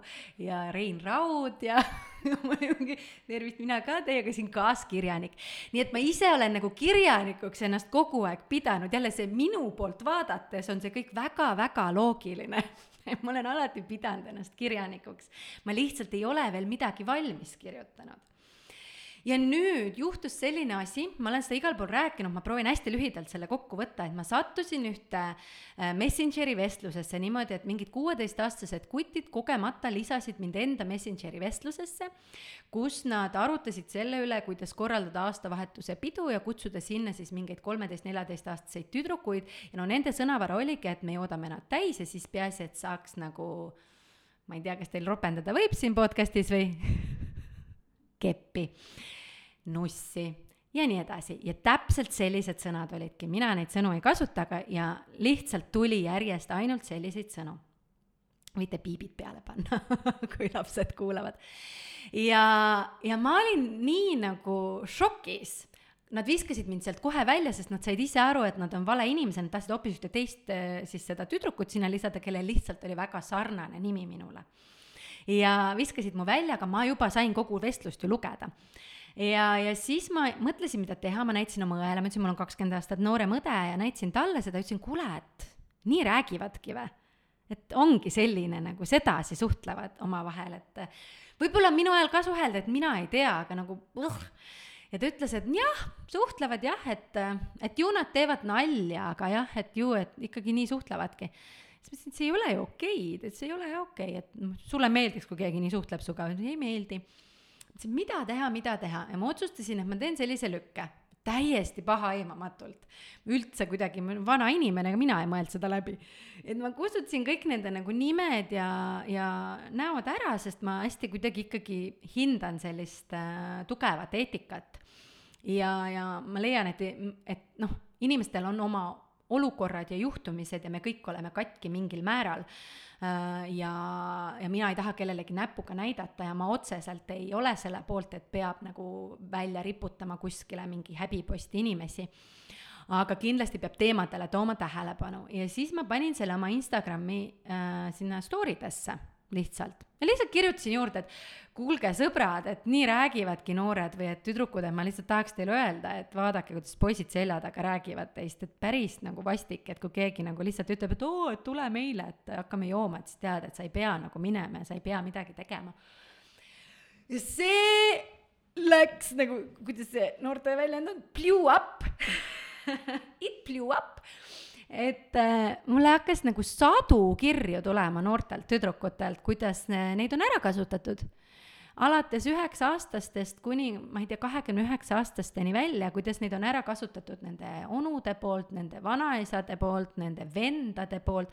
ärakasutamise all ma pean silmas reaalselt ikkagi nagu vägistamist, ma pean silmas alasti pildistamist, näpp, õppimist äh,, suguelundite kas-, no ikka siukseid, just täpselt, just täpselt, ma arvan, et siin tuleb piibid igale poole peale panna. ühesõnaga, need lood olid nagu rängemast rängamad ja need olid nii rämgad, et minuga võttis ikkagi politsei ühendust ja lastemaja ühendust ja ma lä-, käisin äh, siis nendega rääkimas ja äh, ja nad tegid mulle väiksed nagu lühikursused ja lühikoolitused, et mismoodi siis suhelda inimestega, kui nad sinuga niimoodi noh, sinu poole pöörduvad. Ja, ja nad tänasid ja nad ütlesid, et hästi tore, et nad kirjutavad. Sest et äh, tihtilugu need noored, nad, kui ma küsisin, kas sa oled kellelegi seda rääkinud, nagu üle poolte oli vastus, et äh, ei, sa oled esimene inimene, kellele ma räägin. et, et neil nagu noh, ei ole kellelegi seda rääkida ja noh, oli ka selliseid lugusid, et noh, et klassivennad seal panid Instagrami pilte ülesse äh, seeliku all tehtud ja noh, selliseid nagu noh, vastikuid asju või sundisid vaatama mm, mingeid pornograafilise sisuga videosid ja, ja nii edasi. ja, ja päris värk ikka nagu päris, päris värk. ja, ja siis see nagu hakkas kuidagi minu sees nii tohutult äh, keerama ja ma, ma mõtlesin, mida ma teen. Ja ma hakkasin lihtsalt neid lugusid siis noh, ka küsisin, kas ma võin anonüümselt jagada ja ma anonüümselt jagasin, kui inimene lubas. Ja ma ütlesin ka alati, et sa võid alati ei öelda. Ja mõni ütleski, et ei, ma ei soovi. Ja siis ma ei jaganud. Aga see ilmselt pani selle asja nagu veel rohkem keerama, et kõik nagu ütlevad, et appi, et minuga on ka juhtunud, et või mul oli ka täpselt nii. Ja ja neid kogunes nii palju, et siis ma tegingi selle konto hashtag ei on ei sinna Instagrami, et nad kõik kuidagi nagu seal enda kontolt nagu viia kokku sinna ühte kohta. et, et kuna mu enda kontol on rohkem ikkagi joogat ja, ja sellist spirituaalsusteemat, et siis ma tahtsin just seda nagu teemat sinna ühte kohta koguda kokku ja, ja kuna ma samal ajal lugesin seda oma päevikut, millest ma olin plaaninud raamatut kirjutada ja siis need lapsed mulle kirjutasid, kes olid ka samas vanuses nagu mina seal selles Mina tegelane minu raamatus. Ja siis ta kõik hakkas nagu kokku põimuma ja iseenesest hakkasid nagu need lood mul sinna raamatusse vaikselt minema, mitte nagu sõna-sõnalt, aga noh, lihtsalt selles mõttes, et inspireeritult need erinevad juhtumid kõik hakkasid kokku looma sellist ühte lõngakera ja, ja väga loogilist, kus noh, nagu kõik asjad lihtsalt äh, nagu kordusid, et need lood ju kordusid, need olid ju samad juhtumid ja, ja sellest nagu sündis selline üks äh, siis kompaktne ja terviklik äh, lugu lõpuks välja. hetkel sa vist Hooandjas kogud äh, nii-öelda oma panust ka nagu raamatu väljaandmiseks või see on juba jaa, just, et äh, sellega on nüüd teine lugu. Ega ma, mul ei ole lühikesi vastuseid üldiselt. Et, et alguses ma tahtsin seda kui ma alustasin selle raamatu kirjutamist, siis ma äh, panin ta sinna noh äh,, romaani äh,, romaanivõistlused või midagi sellist, romaanivõistlused, ma täpselt ei mäleta. ja ma teadsin alati, et ükskord oma elus ma sinna romaanivõistlustele selle oma mingisuguse raamatu saadan. aga see raamat oli tegelikult poolik, ma ei jõudnud teda valmis tähtajaks. nii et ma saatsin tegelikult pooliku raamatu sinna ja siis äh, mõtlesin, okei okay,, pole hullu, et ma kirjutan teda nagu edasi ja kirjutasin edasi ja siis tuli hoopis noorteromaanide võistlus. ütlesin, oh, väga hea, et selleks ajaks ma jõuan valmis. jõudsingi valmis ja saatsin sinna ka ja sealt ma sain siis vastuseks, et äh, eh, ma ei saanud mingit auhinda, aga et, et nad oleksid nagu valmis seda kirjastama, aga et sa võiksid muuta nagu seda, seda ja teist, et äh, et siis ma mõtlesin, ahah, okei okay,, et siis ma peaks nagu mingeid asju muutma hakkama ja noh, need muutused olid põhiliselt, et olidki, et seal, et vanused võib-olla ei ole nii usutavad, et, et äkki ikkagi mingi kümnes, üheteistkümnes klass oleks usutavam, et kaheksas on ikka liiga noor. ja mul juba oli, et ma ei tea, noh muidugi ma oleks võinud nendega hakata argumenteerima ja ja, ja rääkima, aga siis ma helistasin oma sõbrale Jim Ashilevi, kes on ka kirjanik ja kes on andnud kõvasti raamatuid välja ja küsisin tema käest, et kuule, et selline lugu, et mis sina arvad, et kas ma peaks nendega kohtuma või mitte või mis ma võiksin teha. ja siis ta ütles, et muidugi, et palju õnne, et väga tore, et noh, et neid, neile nagu huvi pakkus, aga et ma ütlen sulle ära kohe, et äh, et proovi iseennast mitte ära kaotada, kui sa hakkad kirjastustega rääkima. ja noh, ta ei öelnudki nagu ei, ega ei, lihtsalt soovitas seda. ja siis ma mediteerisin selle üle ja mõtlesin ja jõudsin kuidagi sinnani, et äh, ma ei taha, ärev inimene, nagu ma olen, ma ei taha hakata seal vaidlema ja, ja ma tean, et noh, nagu ma enne ütlesin, et ma ikka proovin meeldida, on ju, kõigile, et see, et see maski teema, et noh, et keegi jälle ütleb mulle, et tee kuidagi teistmoodi, kui mina oma südames tunnen ja kuna ma õpetan koolitustel ja ise hästi praktiseerin just nimelt seda enda intuitsiooni usaldamist ja kuidas nagu leida see päris mina ülesse ja, ja tegutseda nagu selle päris mina ja päris soovide järgi, et milleks ma siis siia maailmasse olen pandud, mitte mida teised minust ootavad ja tahavad. et siis sealt see vastus tuli, et, et tead, et anna ise välja, et ma olen ükskord CD-plaadi andnud hooandja kaudu välja ja, ja mõtlesin, okei okay,, et teeme siis uuesti. ja, ja, ja siis sellepärast, sellepärast ta sinna hooandjasse mulle sai pandud, et ma ei peaks muutma mingeid asju ja, ja ma saaksin ta siis ise, ise välja anda, et praegu on mul jah, pool raha on koos, pool on veel minna kakskümmend viis päeva on veel minna, eks ma saadan universumisse neid äh, häid manifestatsioone, et kõik läheb nii, nagu peab minema, aga, aga mis iganes juhtub oktoobris või novembris, äh, see raamat välja tuleb, et täna just sain toimetajalt äh, tagasi raamatu ja, ja toimetaja esimeselt lugemiselt siis tagasi ja ütles, et oh, et väga hea, et ma kiidan sind. Ja siis mul oli nii hea tunne nagu, nagu kirjandusõpetaja oleks pai teinud. nii lahe, see tundub tõesti nagu raamat, mida ma tahaks juba kätte võtta lugeda, et ma korra täpsustan, kas seal on siis ütleme kokku pandud mingid erinevad lood, mis on nagu päriselt juhtunud või see on ikkagi ütleme selline nagu lugu, et sa nagu lähed sinna sisse, see algab ja see lõpeb, et kuid-, mis, mis vormis see on nagu üles ehitatud? Ta on konkreetne lugu, fiktsioon, üks tegelane, kellel on algus, tal on lugu ja tal on lõpp. Ja need lood on sinna põimutud nagu sisse niimoodi, et ma taha, tahtsin teha ta hästi autentse, seega seal on katkendeid minu päevikust, kus ma ei ole ühtegi sõna muutnud. Aga see on sinna siis pandud nii-öelda hoopis teise situatsiooni a la tegelase otsekõnena või midagi sellist, mis ei ole võib-olla üldse seotud sellega, mis minu elus siis juhtus, aga ma tahtsin seda päris neljateistaastase kõnestiili sinna raamatusse natukene sisse kirjutada, nii et ma kasutasin küll enda neljateistaastaselt kirjutatud lauseid selles raamatus, aga ta on üks lugu mul ikka nagu taustal on see, mida sa siin praegu jagasid, et äh, nendest äh, noortest, et äh, ma täiesti usun, et ongi selline, selline kõneviis, et et tegelikult tuleb kuidagi neist ka aru saada, et miks nad siis niimoodi üldse käituvad ka, et sinna võib-olla siis vaadata pigem ka jah, ma veel korra tahtsin öelda, et nagu maailmas tehakse seda, mis on see, et iga kolmas naine, kellel on olnud mingi kogemus, aga tegelikult iga kolmas naine on see, kes on julgenud midagi öelda, aga tegelikult see reaalsus on see, et see võib olla ka mitte iga kolmas, vaid iga naine. et see oli minu jaoks see, mis oli šokeeriv ja koht, kus korra nagu hetk võtta jah, see nii on tõesti, et mina olen äh, läinud äh, ikkagi niimoodi aastaid sellises mõnusas äh, vaibis, et ega minuga pole küll midagi hullu juhtunud. ja, ja siis, kui mulle juba aasta aega need tüdrukud kirjutasid ja ütlesid, et noh, et see, mis minuga juhtus, et see ei ole küll nii hull kui teistega, aga, ja siis tuli mingi jumala ränk lugu ja siis ähm,, siis mu oma sõbranna mulle helistas ja rääkis, et issand, et tead, mis ma just mulle rääkis minu üks meie ühine sõber, et tal oli selline lugu e, ja, ja ma, et ja küsis mult otse, et ega sinuga pole midagi sellist juhtunud.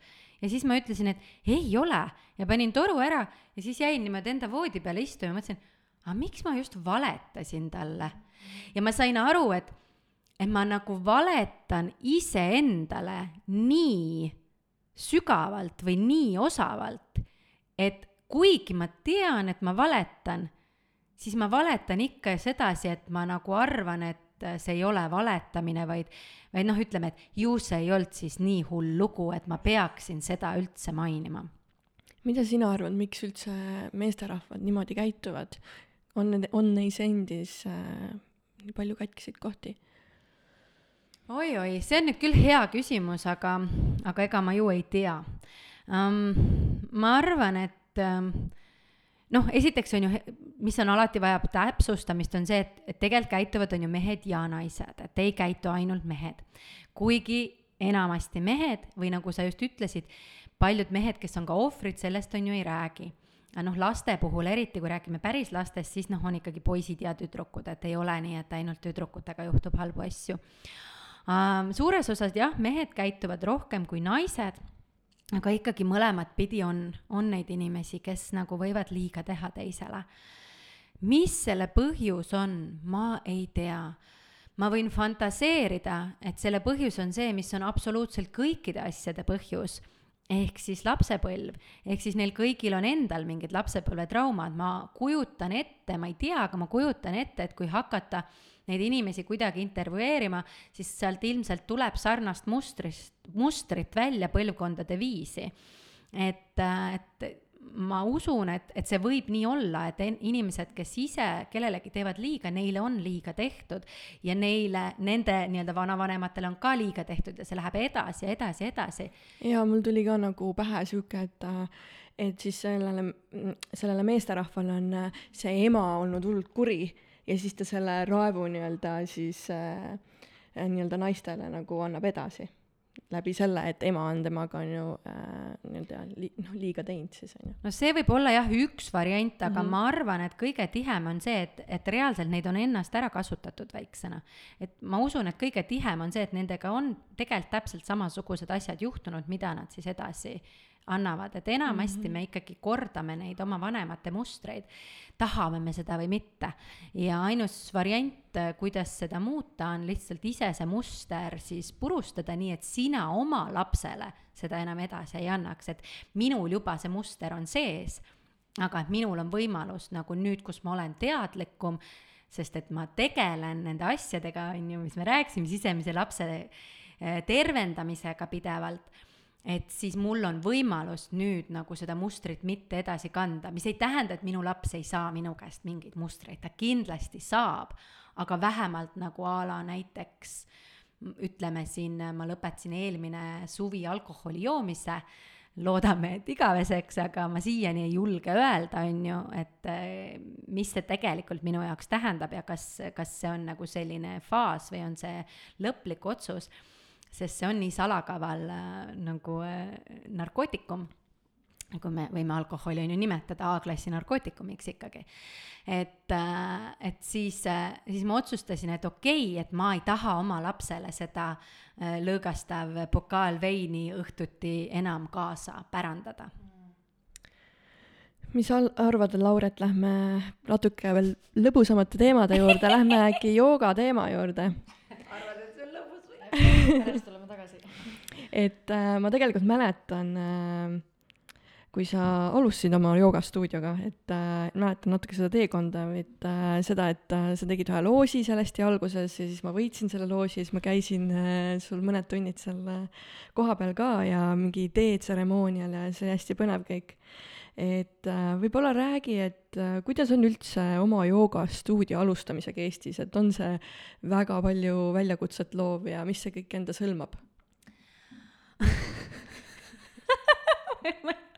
ma ei saa aru, kuidas nii on, iga kord, kui sa küsid ära küsimuse, siis minu ajus toimub selline asi, et ma nagu, kõigepealt mul tuleb üks vastus ja siis sellest vastusest ma liigun nagu viis aastat tagasi, mõtlen, tegelikult see algas sealt, siis ma liigun veel viis aastat tagasi ja siis ma jõuan ikkagi lapsepõlve, et no tegelikult see algas sealt. Nagu selline tohutu film hargneb minu peas lahti iga kord, kui sa mingi küsimuse küsid. See lapsepõlv on nagu kõikide küsimuste universaalne vastus. Ma võin lihtsalt öelda lapsepõlves. Äh, no ütleme nii, et sa saad seda ikkagi ju ise valida, kas see on raske või see on kerge ja see sõltub natukene ka sinu isiksuse tüübist, et kuidas mina asju võtan. minu isiksuse tüüp on natukene selline, et ma lihtsalt hüppan pea ees vette ja hakkan otsast minema, kuna ma ei ole väga hea selline suurte plaanide tegija või nagu, et ma nüüd teen suure sellise läbimõeldud hästi hea plaani, vaid ma olen pigem niimoodi, et kui mul oli on ju kunagi palju õppida, ma võtsin selle kõige lihtsama asja hakkasin seda lihtsalt tegema ja siis sealt vaikselt liikusin edasi. et selle joogastuudioga ma tegin samamoodi, et ma mõtlesin, et mis on see kõige esimene asi, mida mul vaja on ja vaatame siis sealt edasi. ja esimesena oli mul vaja stuudiot, nii et ma kõigepealt lihtsalt rentisin stuudio ja siis ma sain aru, et nüüd mul oleks vaja tunniplaani. siis ma mõtlesin välja tunniplaani, siis ma mõtlesin, et nüüd oleks vaja õpilasi ja siis ma hakkasin neid õpilasi sinna kutsuma. Ja niimoodi ma vaikselt läksin.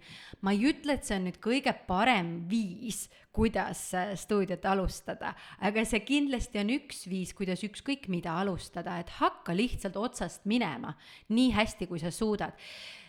Ilma, et sa muidugi võtaks mingeid suuri laene või teeksid mingeid tohutuid riske, sest see on nüüd natukene teine äärmus, et mul on see osa jällegi väga tugev, et ma ei ole väga nagu äh, niisugune riskija või ma kogu aeg ki-, noh, vaatan, et mul nagu see äh, noh, tagala oleks mingil määral kindlustatud, et mul on olemas need variandid ja kui ei ole, siis ma teen midagi muud, et näiteks nüüd ma liigungi teise stuudiosse, et ma vahetan stuudiot. Et ei ole enam vanalinnas. jah, just, et liigun vanalinnast Kadriorgu just sellel samal põhjusel, et ma saan aru, et selles maailmas, kus me praegu elame, mul ei ole neid ressursse, et seda vanalinna stuudiot enam pidada üleval ja ma ei taha riskida, et mul üks hetk ei ole üldse enam võimalus, noh, et ma olen pankrotis või võlgades.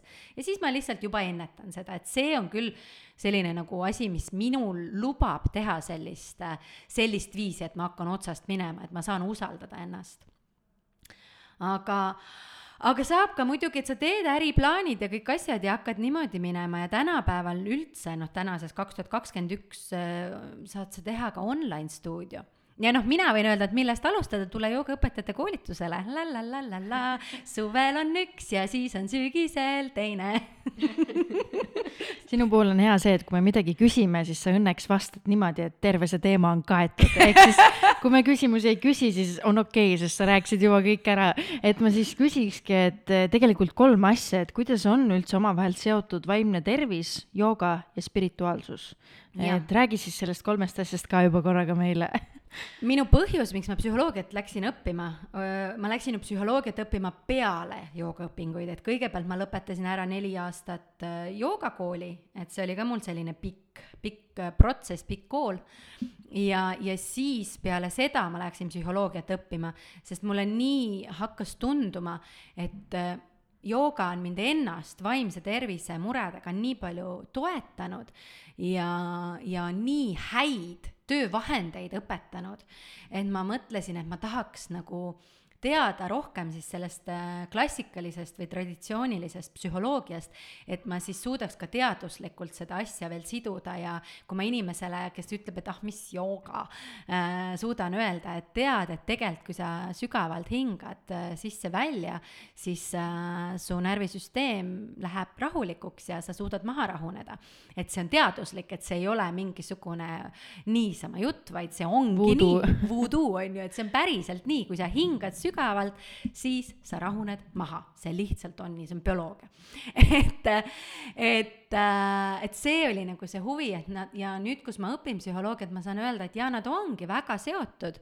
Nad on väga seotud, üks on lihtsalt idamaade teadus, teine on, on ju läänemaailma teadus ja nad mõlemad täiendavad üksteist võrratult.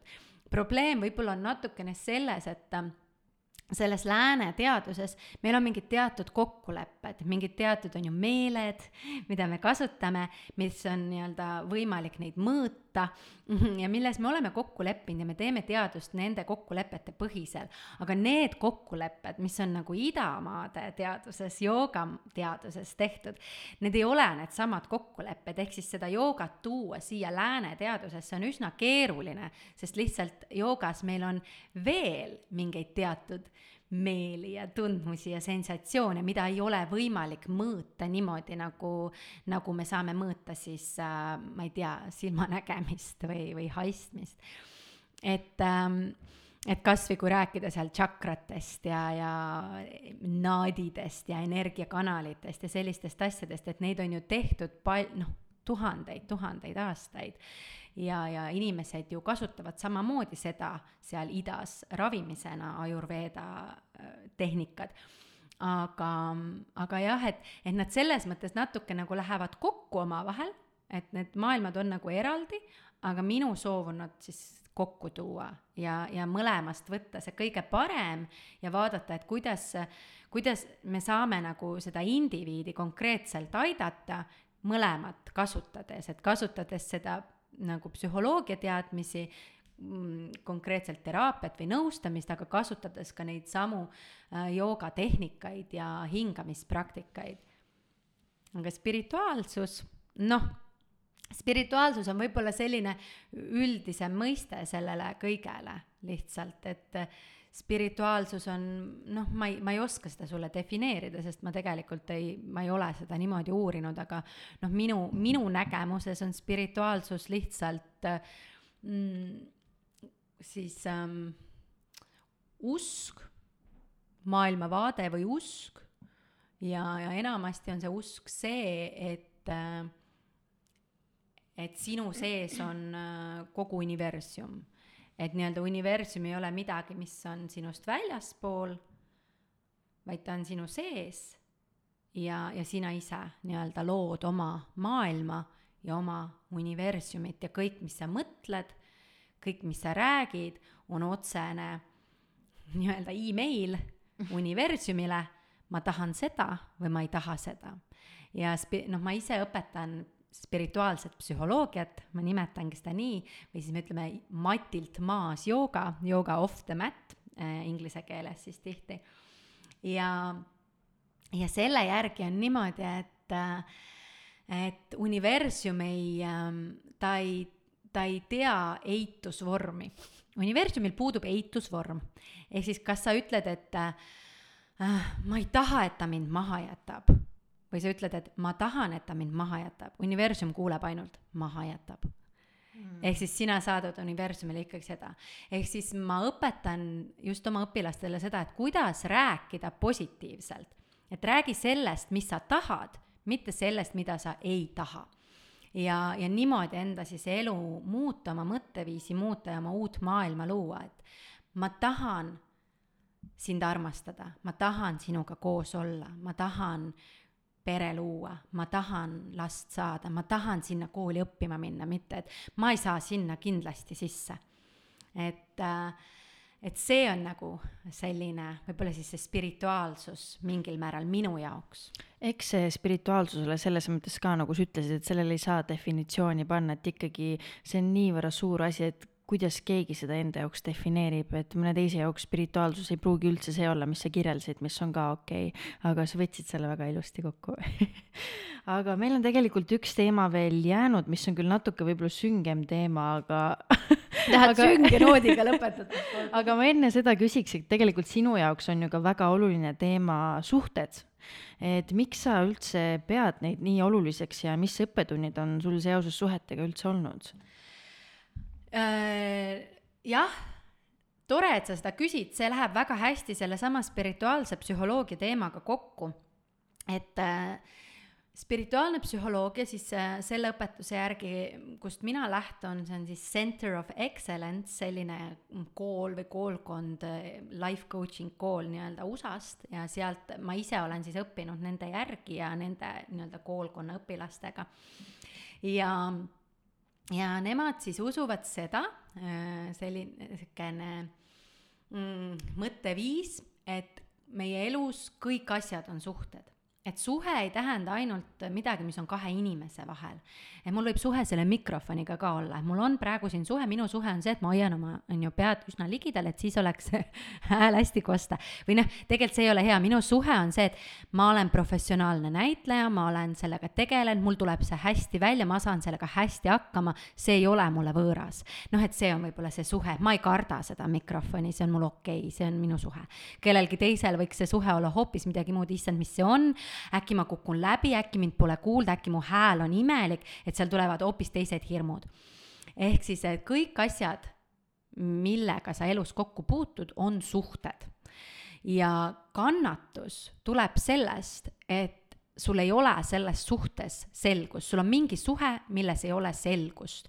ehk siis, kui ma ei tea, mis mu suhe selle mikrofoniga on, siis ma kannatan, ehk siis mul ongi hirmud, ma ei tea, ma olen natuke, aga kui ma saan aru, et mul on sellega näiteks selline suhe, et ma kardan, et äkki mu hääl kõlab imelikult, siis ma saan midagi ette võtta siis ma saan ette võtta, et kuule, et võib-olla me saame varem kokku, ma toon täitsa lambi näiteid praegu, on ju, et saame näiteks äh, kümme minutit varem kokku ja lindistame ja siis te saate mulle lasta näiteks sealt arvutist minu häält, et ma saaksin kuulda, kuidas mu hääl kõlab ja siis ma ei tunne ennast nii nagu halvasti, kui ma hakkan sinna mikrofoni rääkima. näed, mul oli suhe, ma sain aru, mis see suhe on, on ju, teil on suhe, on ju, seal sellega, et keegi kolistab ja, ja kui te tajute ära, et mul on sellega selline suhe, et mind häirib see, et seal keegi kolistab, et siis ma saan mõelda välja, ma panen suure sildi kuskile, et palun vaikust, meil on siin podcast ja ma saan sellega tegeleda.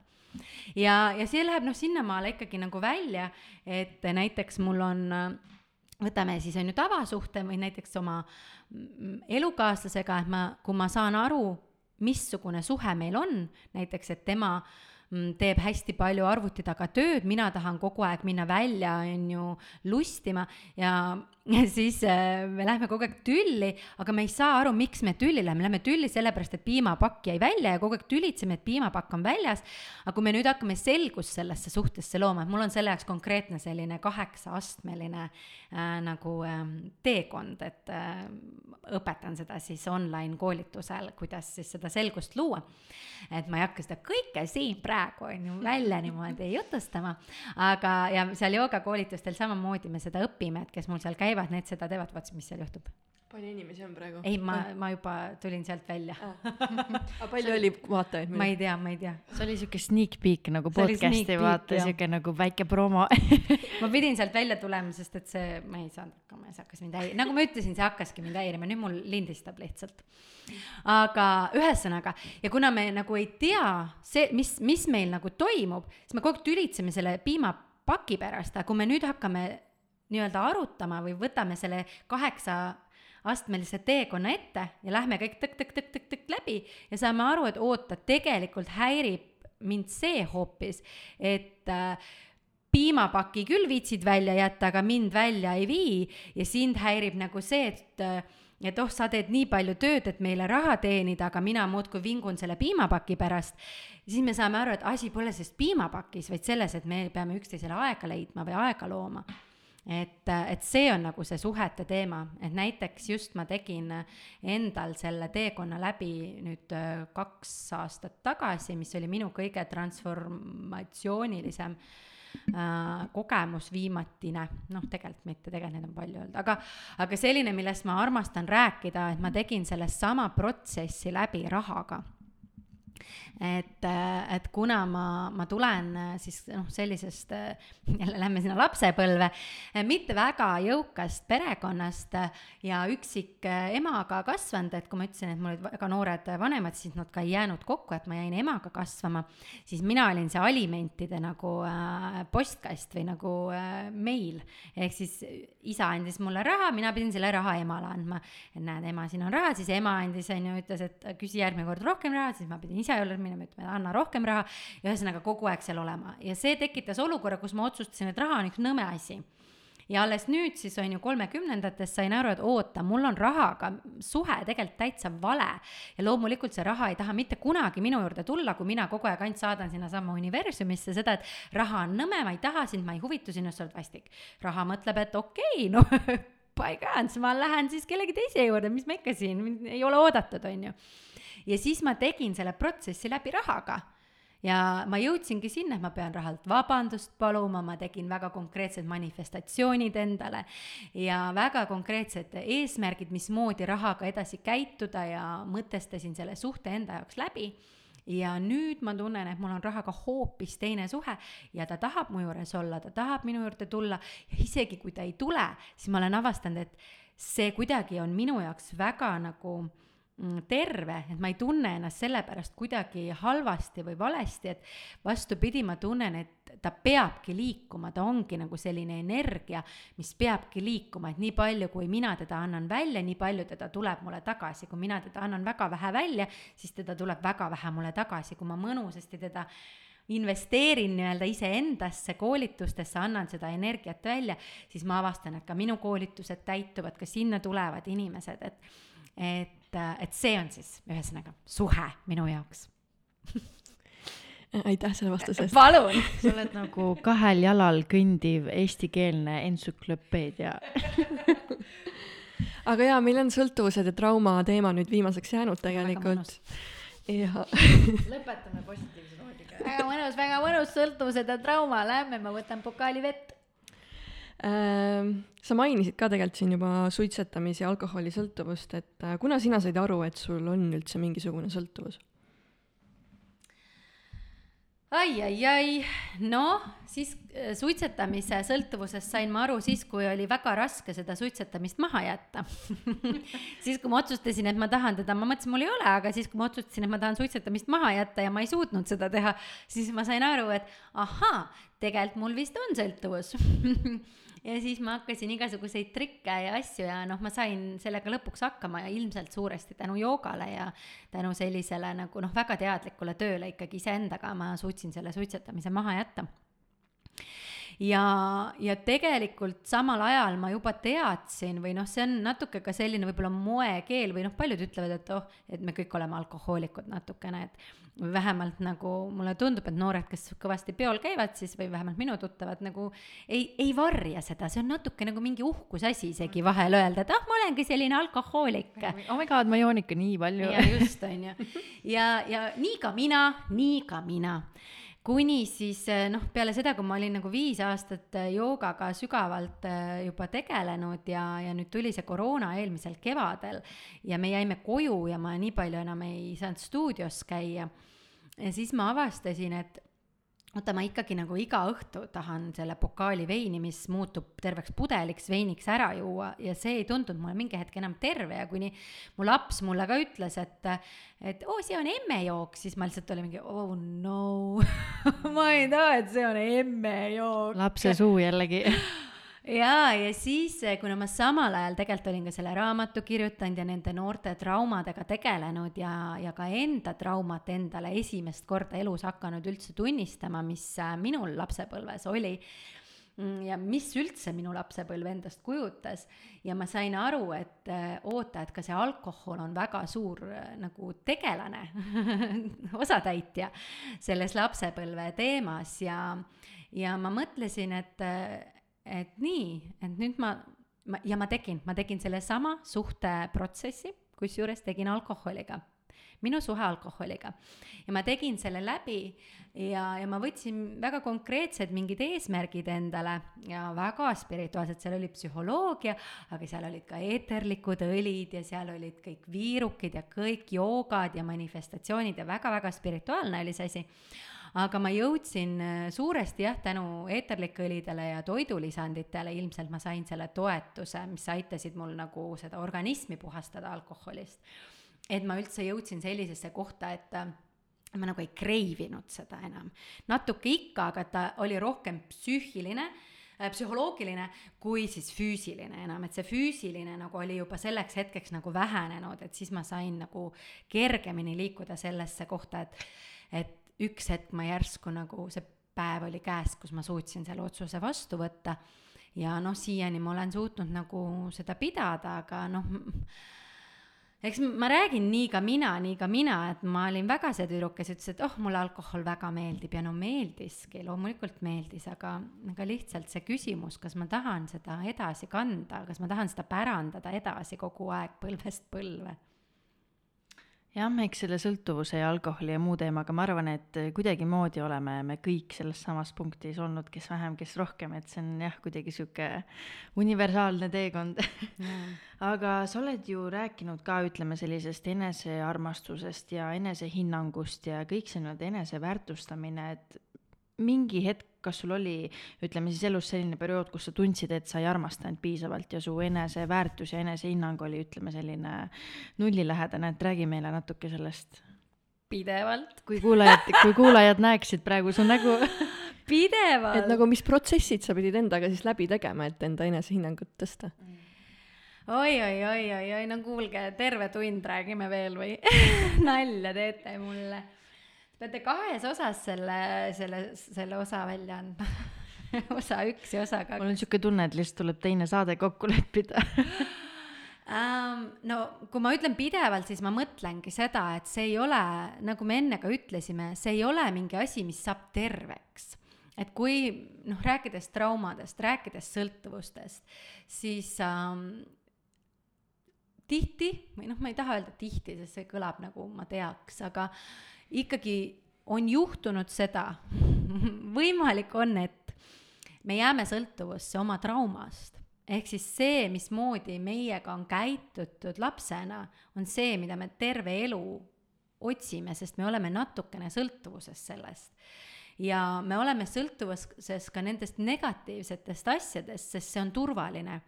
et laps armastab oma vanemaid, laps ei, armastab oma elu, tema ei tea teisiti ja tema jaoks on see alati turvaline koht. ja, ja siis, kui ta saab suureks, siis ta ikkagi tahab sedasama nagu turvalist tunnet luua ja on see siis selline, kus noh, keegi talle liiga teeb, ta ikkagi otsib seda, miks ei saa kunagi süüdistada inimesi, kes nii-öelda ei suuda siis on ju vägivaldsest suhtest näiteks ära minna või midagi sellist, sest et äh, nad ei suudagi, nad on sõltuvuses sellest ja nad ei saa sellega hakkama, nad võivad isegi aru saada, aga see on niivõrd keeruline. Ja mm, ja selles mõttes ähm, see enesehinnang nagu ta saab, ta saab nagu aluse seal lapsepõlves mingil määral ja sa kogu aeg nagu selle enesehinnanguga sa eladki ja ma, ma, ma kahtlen, kas. tõmbad ka tegelikult siukseid kogemusi mm, -hmm. mis äh, panevad nii-öelda sellele pihta. jaa, ja ma kahtlen, kas seda on nagu võimalik otseselt noh täiesti nagu terveks saada, aga, aga ilmselt on võimalik sinna lähemale jõuda ja, ja ta algab, ma arvan, ikkagi teadvustamisest, sellest teadvustamisest, et kes ma üldse olen ja, ja mis asi ma olen ja mis on need minu need trigger'id, millega ma tegelen ja ma arvan, üks kõige suuremaid toetusi mulle on olnud, mis on mind äh, nagu aidanud, esiteks ongi siis see teadvustamine, õppimine tegelikult, et ma üldse iseenda kohta hakkasin õppima, ma tulin sealt lavalt nii-öelda lõplikult ära või noh, nii-öelda lõplikult ära ja hoopis avasin raamatud ja hakkasin uurima ja puurima, mis, mis, mis seal kirjas on.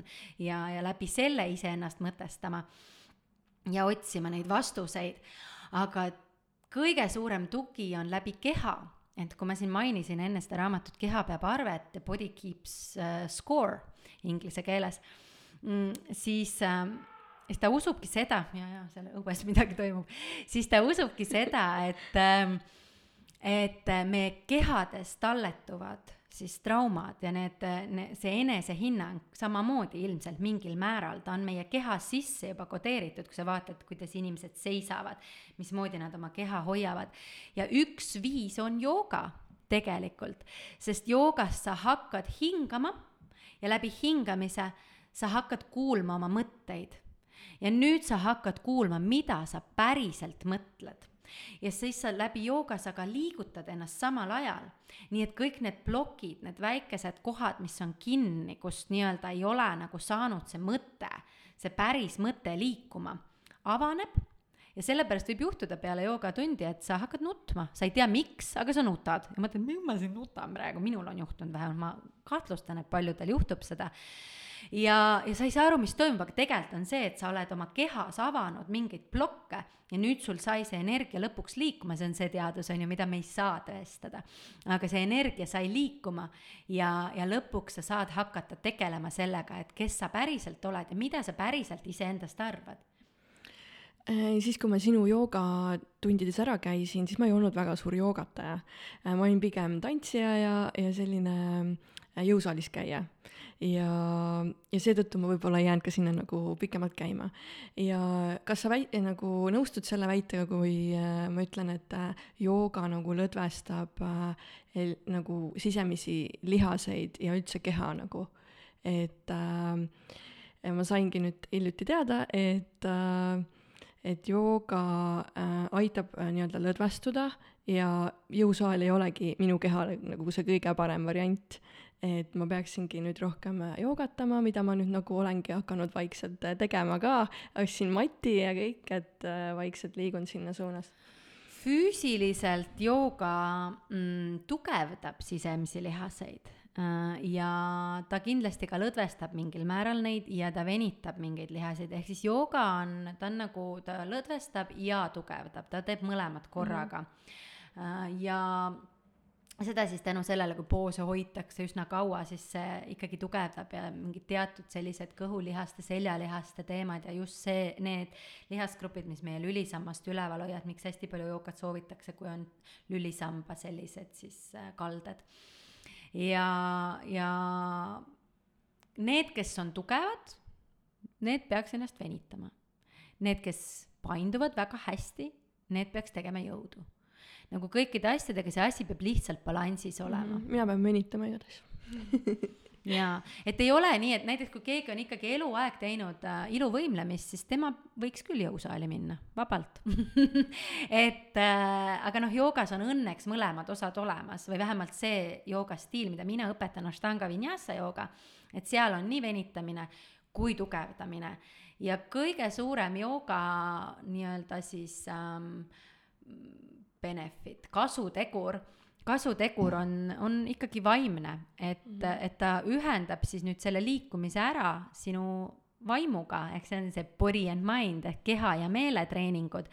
et sa liigud ja samal ajal sa nii-öelda siis oma närvisüsteemile saadad sellist, kõik on hästi, rahuneme maha, oleme hästi chill'ilt ja see siis hakkab vabastama neid traumasid samamoodi sa juba puudutasid traumateema ka sujuvalt kõik ära super, aga ma tahakski küsida, et mis on sinu, ütleme, sellised soojad sõnad või soovitused naistele, kes on täna, ütleme, sellises punktis, et nad ei armasta ennast ja nad tunnevad ennast, ennast ebakindlalt. et mina näen, see on üks aktuaalsemaid teemasid, mis meid kogu aeg ümbritseb ja ongi see, et kõik teadvustavad seda, aga kuidagi see ikka on, et mis oleks need sinu, ütleme, sellised sõnad, mis sa hingele paneksid? No no et sa tegelikult tead väga hästi, mis sa tegema pead. nüüd sa lihtsalt pead seda tegema. tavaliselt me ju teame, mis me peame tegema, me lihtsalt ei tee. võib-olla siin on hea koht tuua sisse seesama motivatsiooni teema, eh, eh, mis mult küsiti viimati, mis oli minu jaoks päris huvitav küsimus, sellepärast et ma ka ise sellega jagelen tihtilugu, aga noh, mul on mu töövahendid olemas, ma enam-vähem tean, kuidas, kuidas tegutseda. Ähm, ja küsiti, et aga mis ma siis teen, kui mul ei ole üldse motivatsiooni ja, ja jäängi nii-öelda sinna noh, kassima ja olema, et nii, kõik on nii halvasti ja midagi ma ei taha ja keegi mind ei armasta ja kõik on, on ju nõme, mina kaasa arvatud et eks see noh, madal enesehinnang või enda mittearmastamine on ikkagi nagu kuidagi noh, ta käib käsikäes selle natukene nagu kaldest välja käitumisega.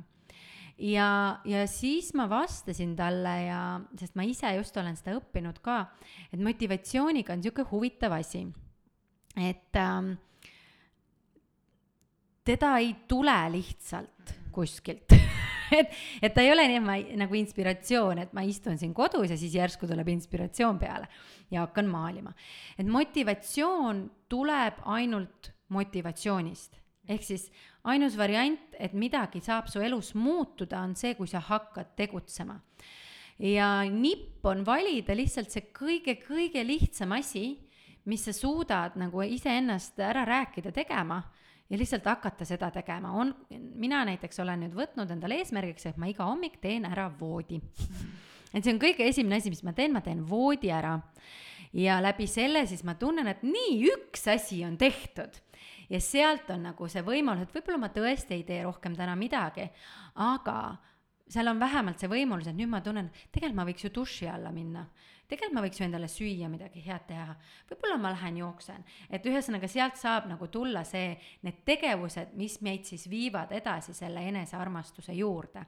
sest lihtne oleks öelda, ma ütlen sulle lihtsalt, et vaata peeglisse, ütle endale kolm korda, et ma olen ilus, tark ja osav ja siis mine oma päevaga edasi.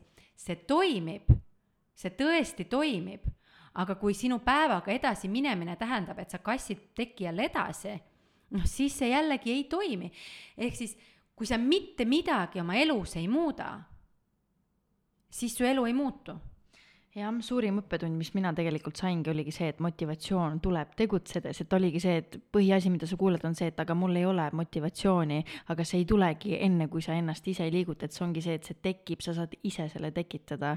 et see oli minu jaoks sihuke ahaa-moment väga suur aga jah, tegelikult ma arvan, me hakkame siin lõpusirgele jõudma ka, me oleme rääkinud juba poolteist tundi ja ma arvan, me suudaks rääkida veel kuus oh, tundi jah. täiesti vabalt nagu. hommikuni, hommikuni. ja ega meil siin muid plaane ei olegi. et eh, mina küsiks seda, et selle kohta on väga erinevaid arvamusi, et kas sa oled nõus sellega, et tegelikult iga kogemus või läbi elatud sündmus või olukord on selles mõttes ikkagi meile mingil moel sada protsenti vajalik, et sa oled selle oma el-, oma ellu tõmmanud ja see on su elus olnud ikkagi mingil kindlal põhjusel, et tihtipeale öeldakse ka seda, et kui sul on mingid draamad, traumad juhtunud, et siis noh, kas sul ikkagi oli vaja neid läbi elada. aga jälle on teine arvamus see, et neid oli sul vaja, et jõuda siia, kus sa täna oled, et mis sinu seisukoht on? no spirituaalse psühholoogia järgi on kõik see, mis minu elus on juhtunud, vajalik et ta pidigi täpselt nii juhtuma, et mind saadetigi siia selle jaoks, et ähm, äh, et just nimelt seda elu elada ja neid kogemusi kogeda selleks, et mina saaksin oma eluülesannet täita. ja, ja sealt veel võib isegi tuleb nagu see mõtteviis ka, et et ähm, noh, vanad eestlased ütlevad, et, et, et antakse nii palju, kui sa kanda jõuad. aga, aga et põhimõtteliselt jah, sealt spirituaalsest äh, sihukesest psühholoogia suunast tuleb, tuleb küll seesama mõte et äh, mulle on antud ainult need ülesanded, millega ma hakkama saan, et keegi ei ole mulle andnud ühtegi asja, millega ma hakkama ei saaks aga kui ma nagu mõtlen niimoodi lihtsalt enda nagu mõttes, et kas mina ka arvan, kas ma olen sellega üleni nõus. ma ei tea, ma tegelikult ei tea, ma tean seda, et, et enamus inimesi, kellelt sa küsid, et äh, kas sa tahaks midagi muuta oma elus ja ma ei räägi, on ju sellest, et äh, mul poiss jättis mind eelmine kuu maha, vaid nagu selles mõttes, et kas sa tahaksid midagi oma kaugemast minevikust muuta. enamus inimesi ikkagi vastavad ju, et ei taha või et ma ei muudaks midagi. sest noh, see on see sina, kes sa oled. aga samas, kui midagi oleks teistmoodi, no siis oleks midagi lihtsalt teistmoodi ja see oleks ka väga huvitav, ma ilmselgelt ei oleks see, kes ma olen praegu, aga see ei tähenda, et ma halvem oleks, see ei tähenda ka, et ma parem oleks. lihtsalt ma oleksin teistmoodi. et, et noh, ma ei, ma ei paneks nagu sinna sellist nagu hüüumärki, et kõik see, mis sa oled kogenud, see pidigi nii olema, vaid noh, ma pigem ütlen tavaliselt, et oli, mis oli. oli, mis oli ja on, mis on, sest noh, nii ta lihtsalt on, et nagu mina, kes saab üldse mul kindlalt öelda, et see kõik siin on olemas mina ei tea, no mina ei ole kindel, et see kõik on olemas. ega lõppkokkuvõttes mitte keegi ei saagi mitte midagi öelda aga vau äh,, jah, mul on traditsioon, et peale saadet ma alati lähen trammi peale ja seedin ja mul on praegu tunne, et peale seda saadet ma pean kolm ringi sõitma, mitte üks. et on sul endal midagi lisada, mida me ei küsinud või mida sa tunned, et sa tahad veel jagada, mida kindlasti kuulajad peavad teadma? Mida kindlasti kuulajad peavad teada, no siis on mul üks lugu, see algas aastal tuhat üheksasada kaheksakümmend viis. Äh, siis sündisin mina. Ja sealt lähme nüüd edasi, step by step. Ma arvan, et me saime enam-vähem ikkagi kõik, kõik kaetud, võib-olla selline vahva mõte, mille ma võin siia lõppu öelda, on äh, üks minu lemmik inglisekeelne äh, quote või väljend, mida ma ise ka õpetan oma õpilastele ja mida mulle minu õpetaja jagas, on äh, live in the question ehk siis ela küsimuses. et äh, annan sulle kaasa mm, sellise mõtte, et proovi, mis tunne on, kui äh,, kui sa mõnda aega ei otsi vastuseid mm vaid äh, oled rahul sellega, et sul on lihtsalt küsimused ja lubad nendel vastustel ise sinuni jõuda. mis sa kostad, Elis no igal juhul väga põnevad mõtted, väga ägedad äh, üldse need äh, teemad ja ei olegi nagu midagi öelda, et täitsa nagu sihuke šokimoment jah. Tasuta teraapia, palun. Pooleteisttunnine, aga mina, Marilyn, tänan, et sa tulid, sa tõesti jagasid väga palju väärtust nii mulle kui ka Elisele kui ka kuulajatele. Ja räägi veel, kust kuulajad sind leida võib või kust sind otsida saab? Mind leiab äh, minu nimega peaaegu igalt poolt Marilyn Jurman Tiktokist, Instagramist, Facebookist e, emaililt Youtube'ist, äh, Twitterist, aga noh, neid viimaseid ma nii palju ei kasuta, aga TikTok, Instagram, Facebook kindlasti jah.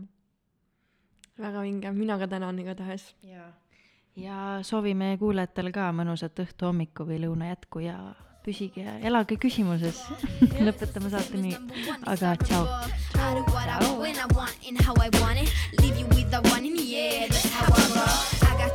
My true collectible. Famous, also famous, number one desirable. I do what I want when I want and how I want it. Leave you with the one in the air, that's how I roll. I got changes, so I don't care about no gold. Better, so much better, flipping incredible.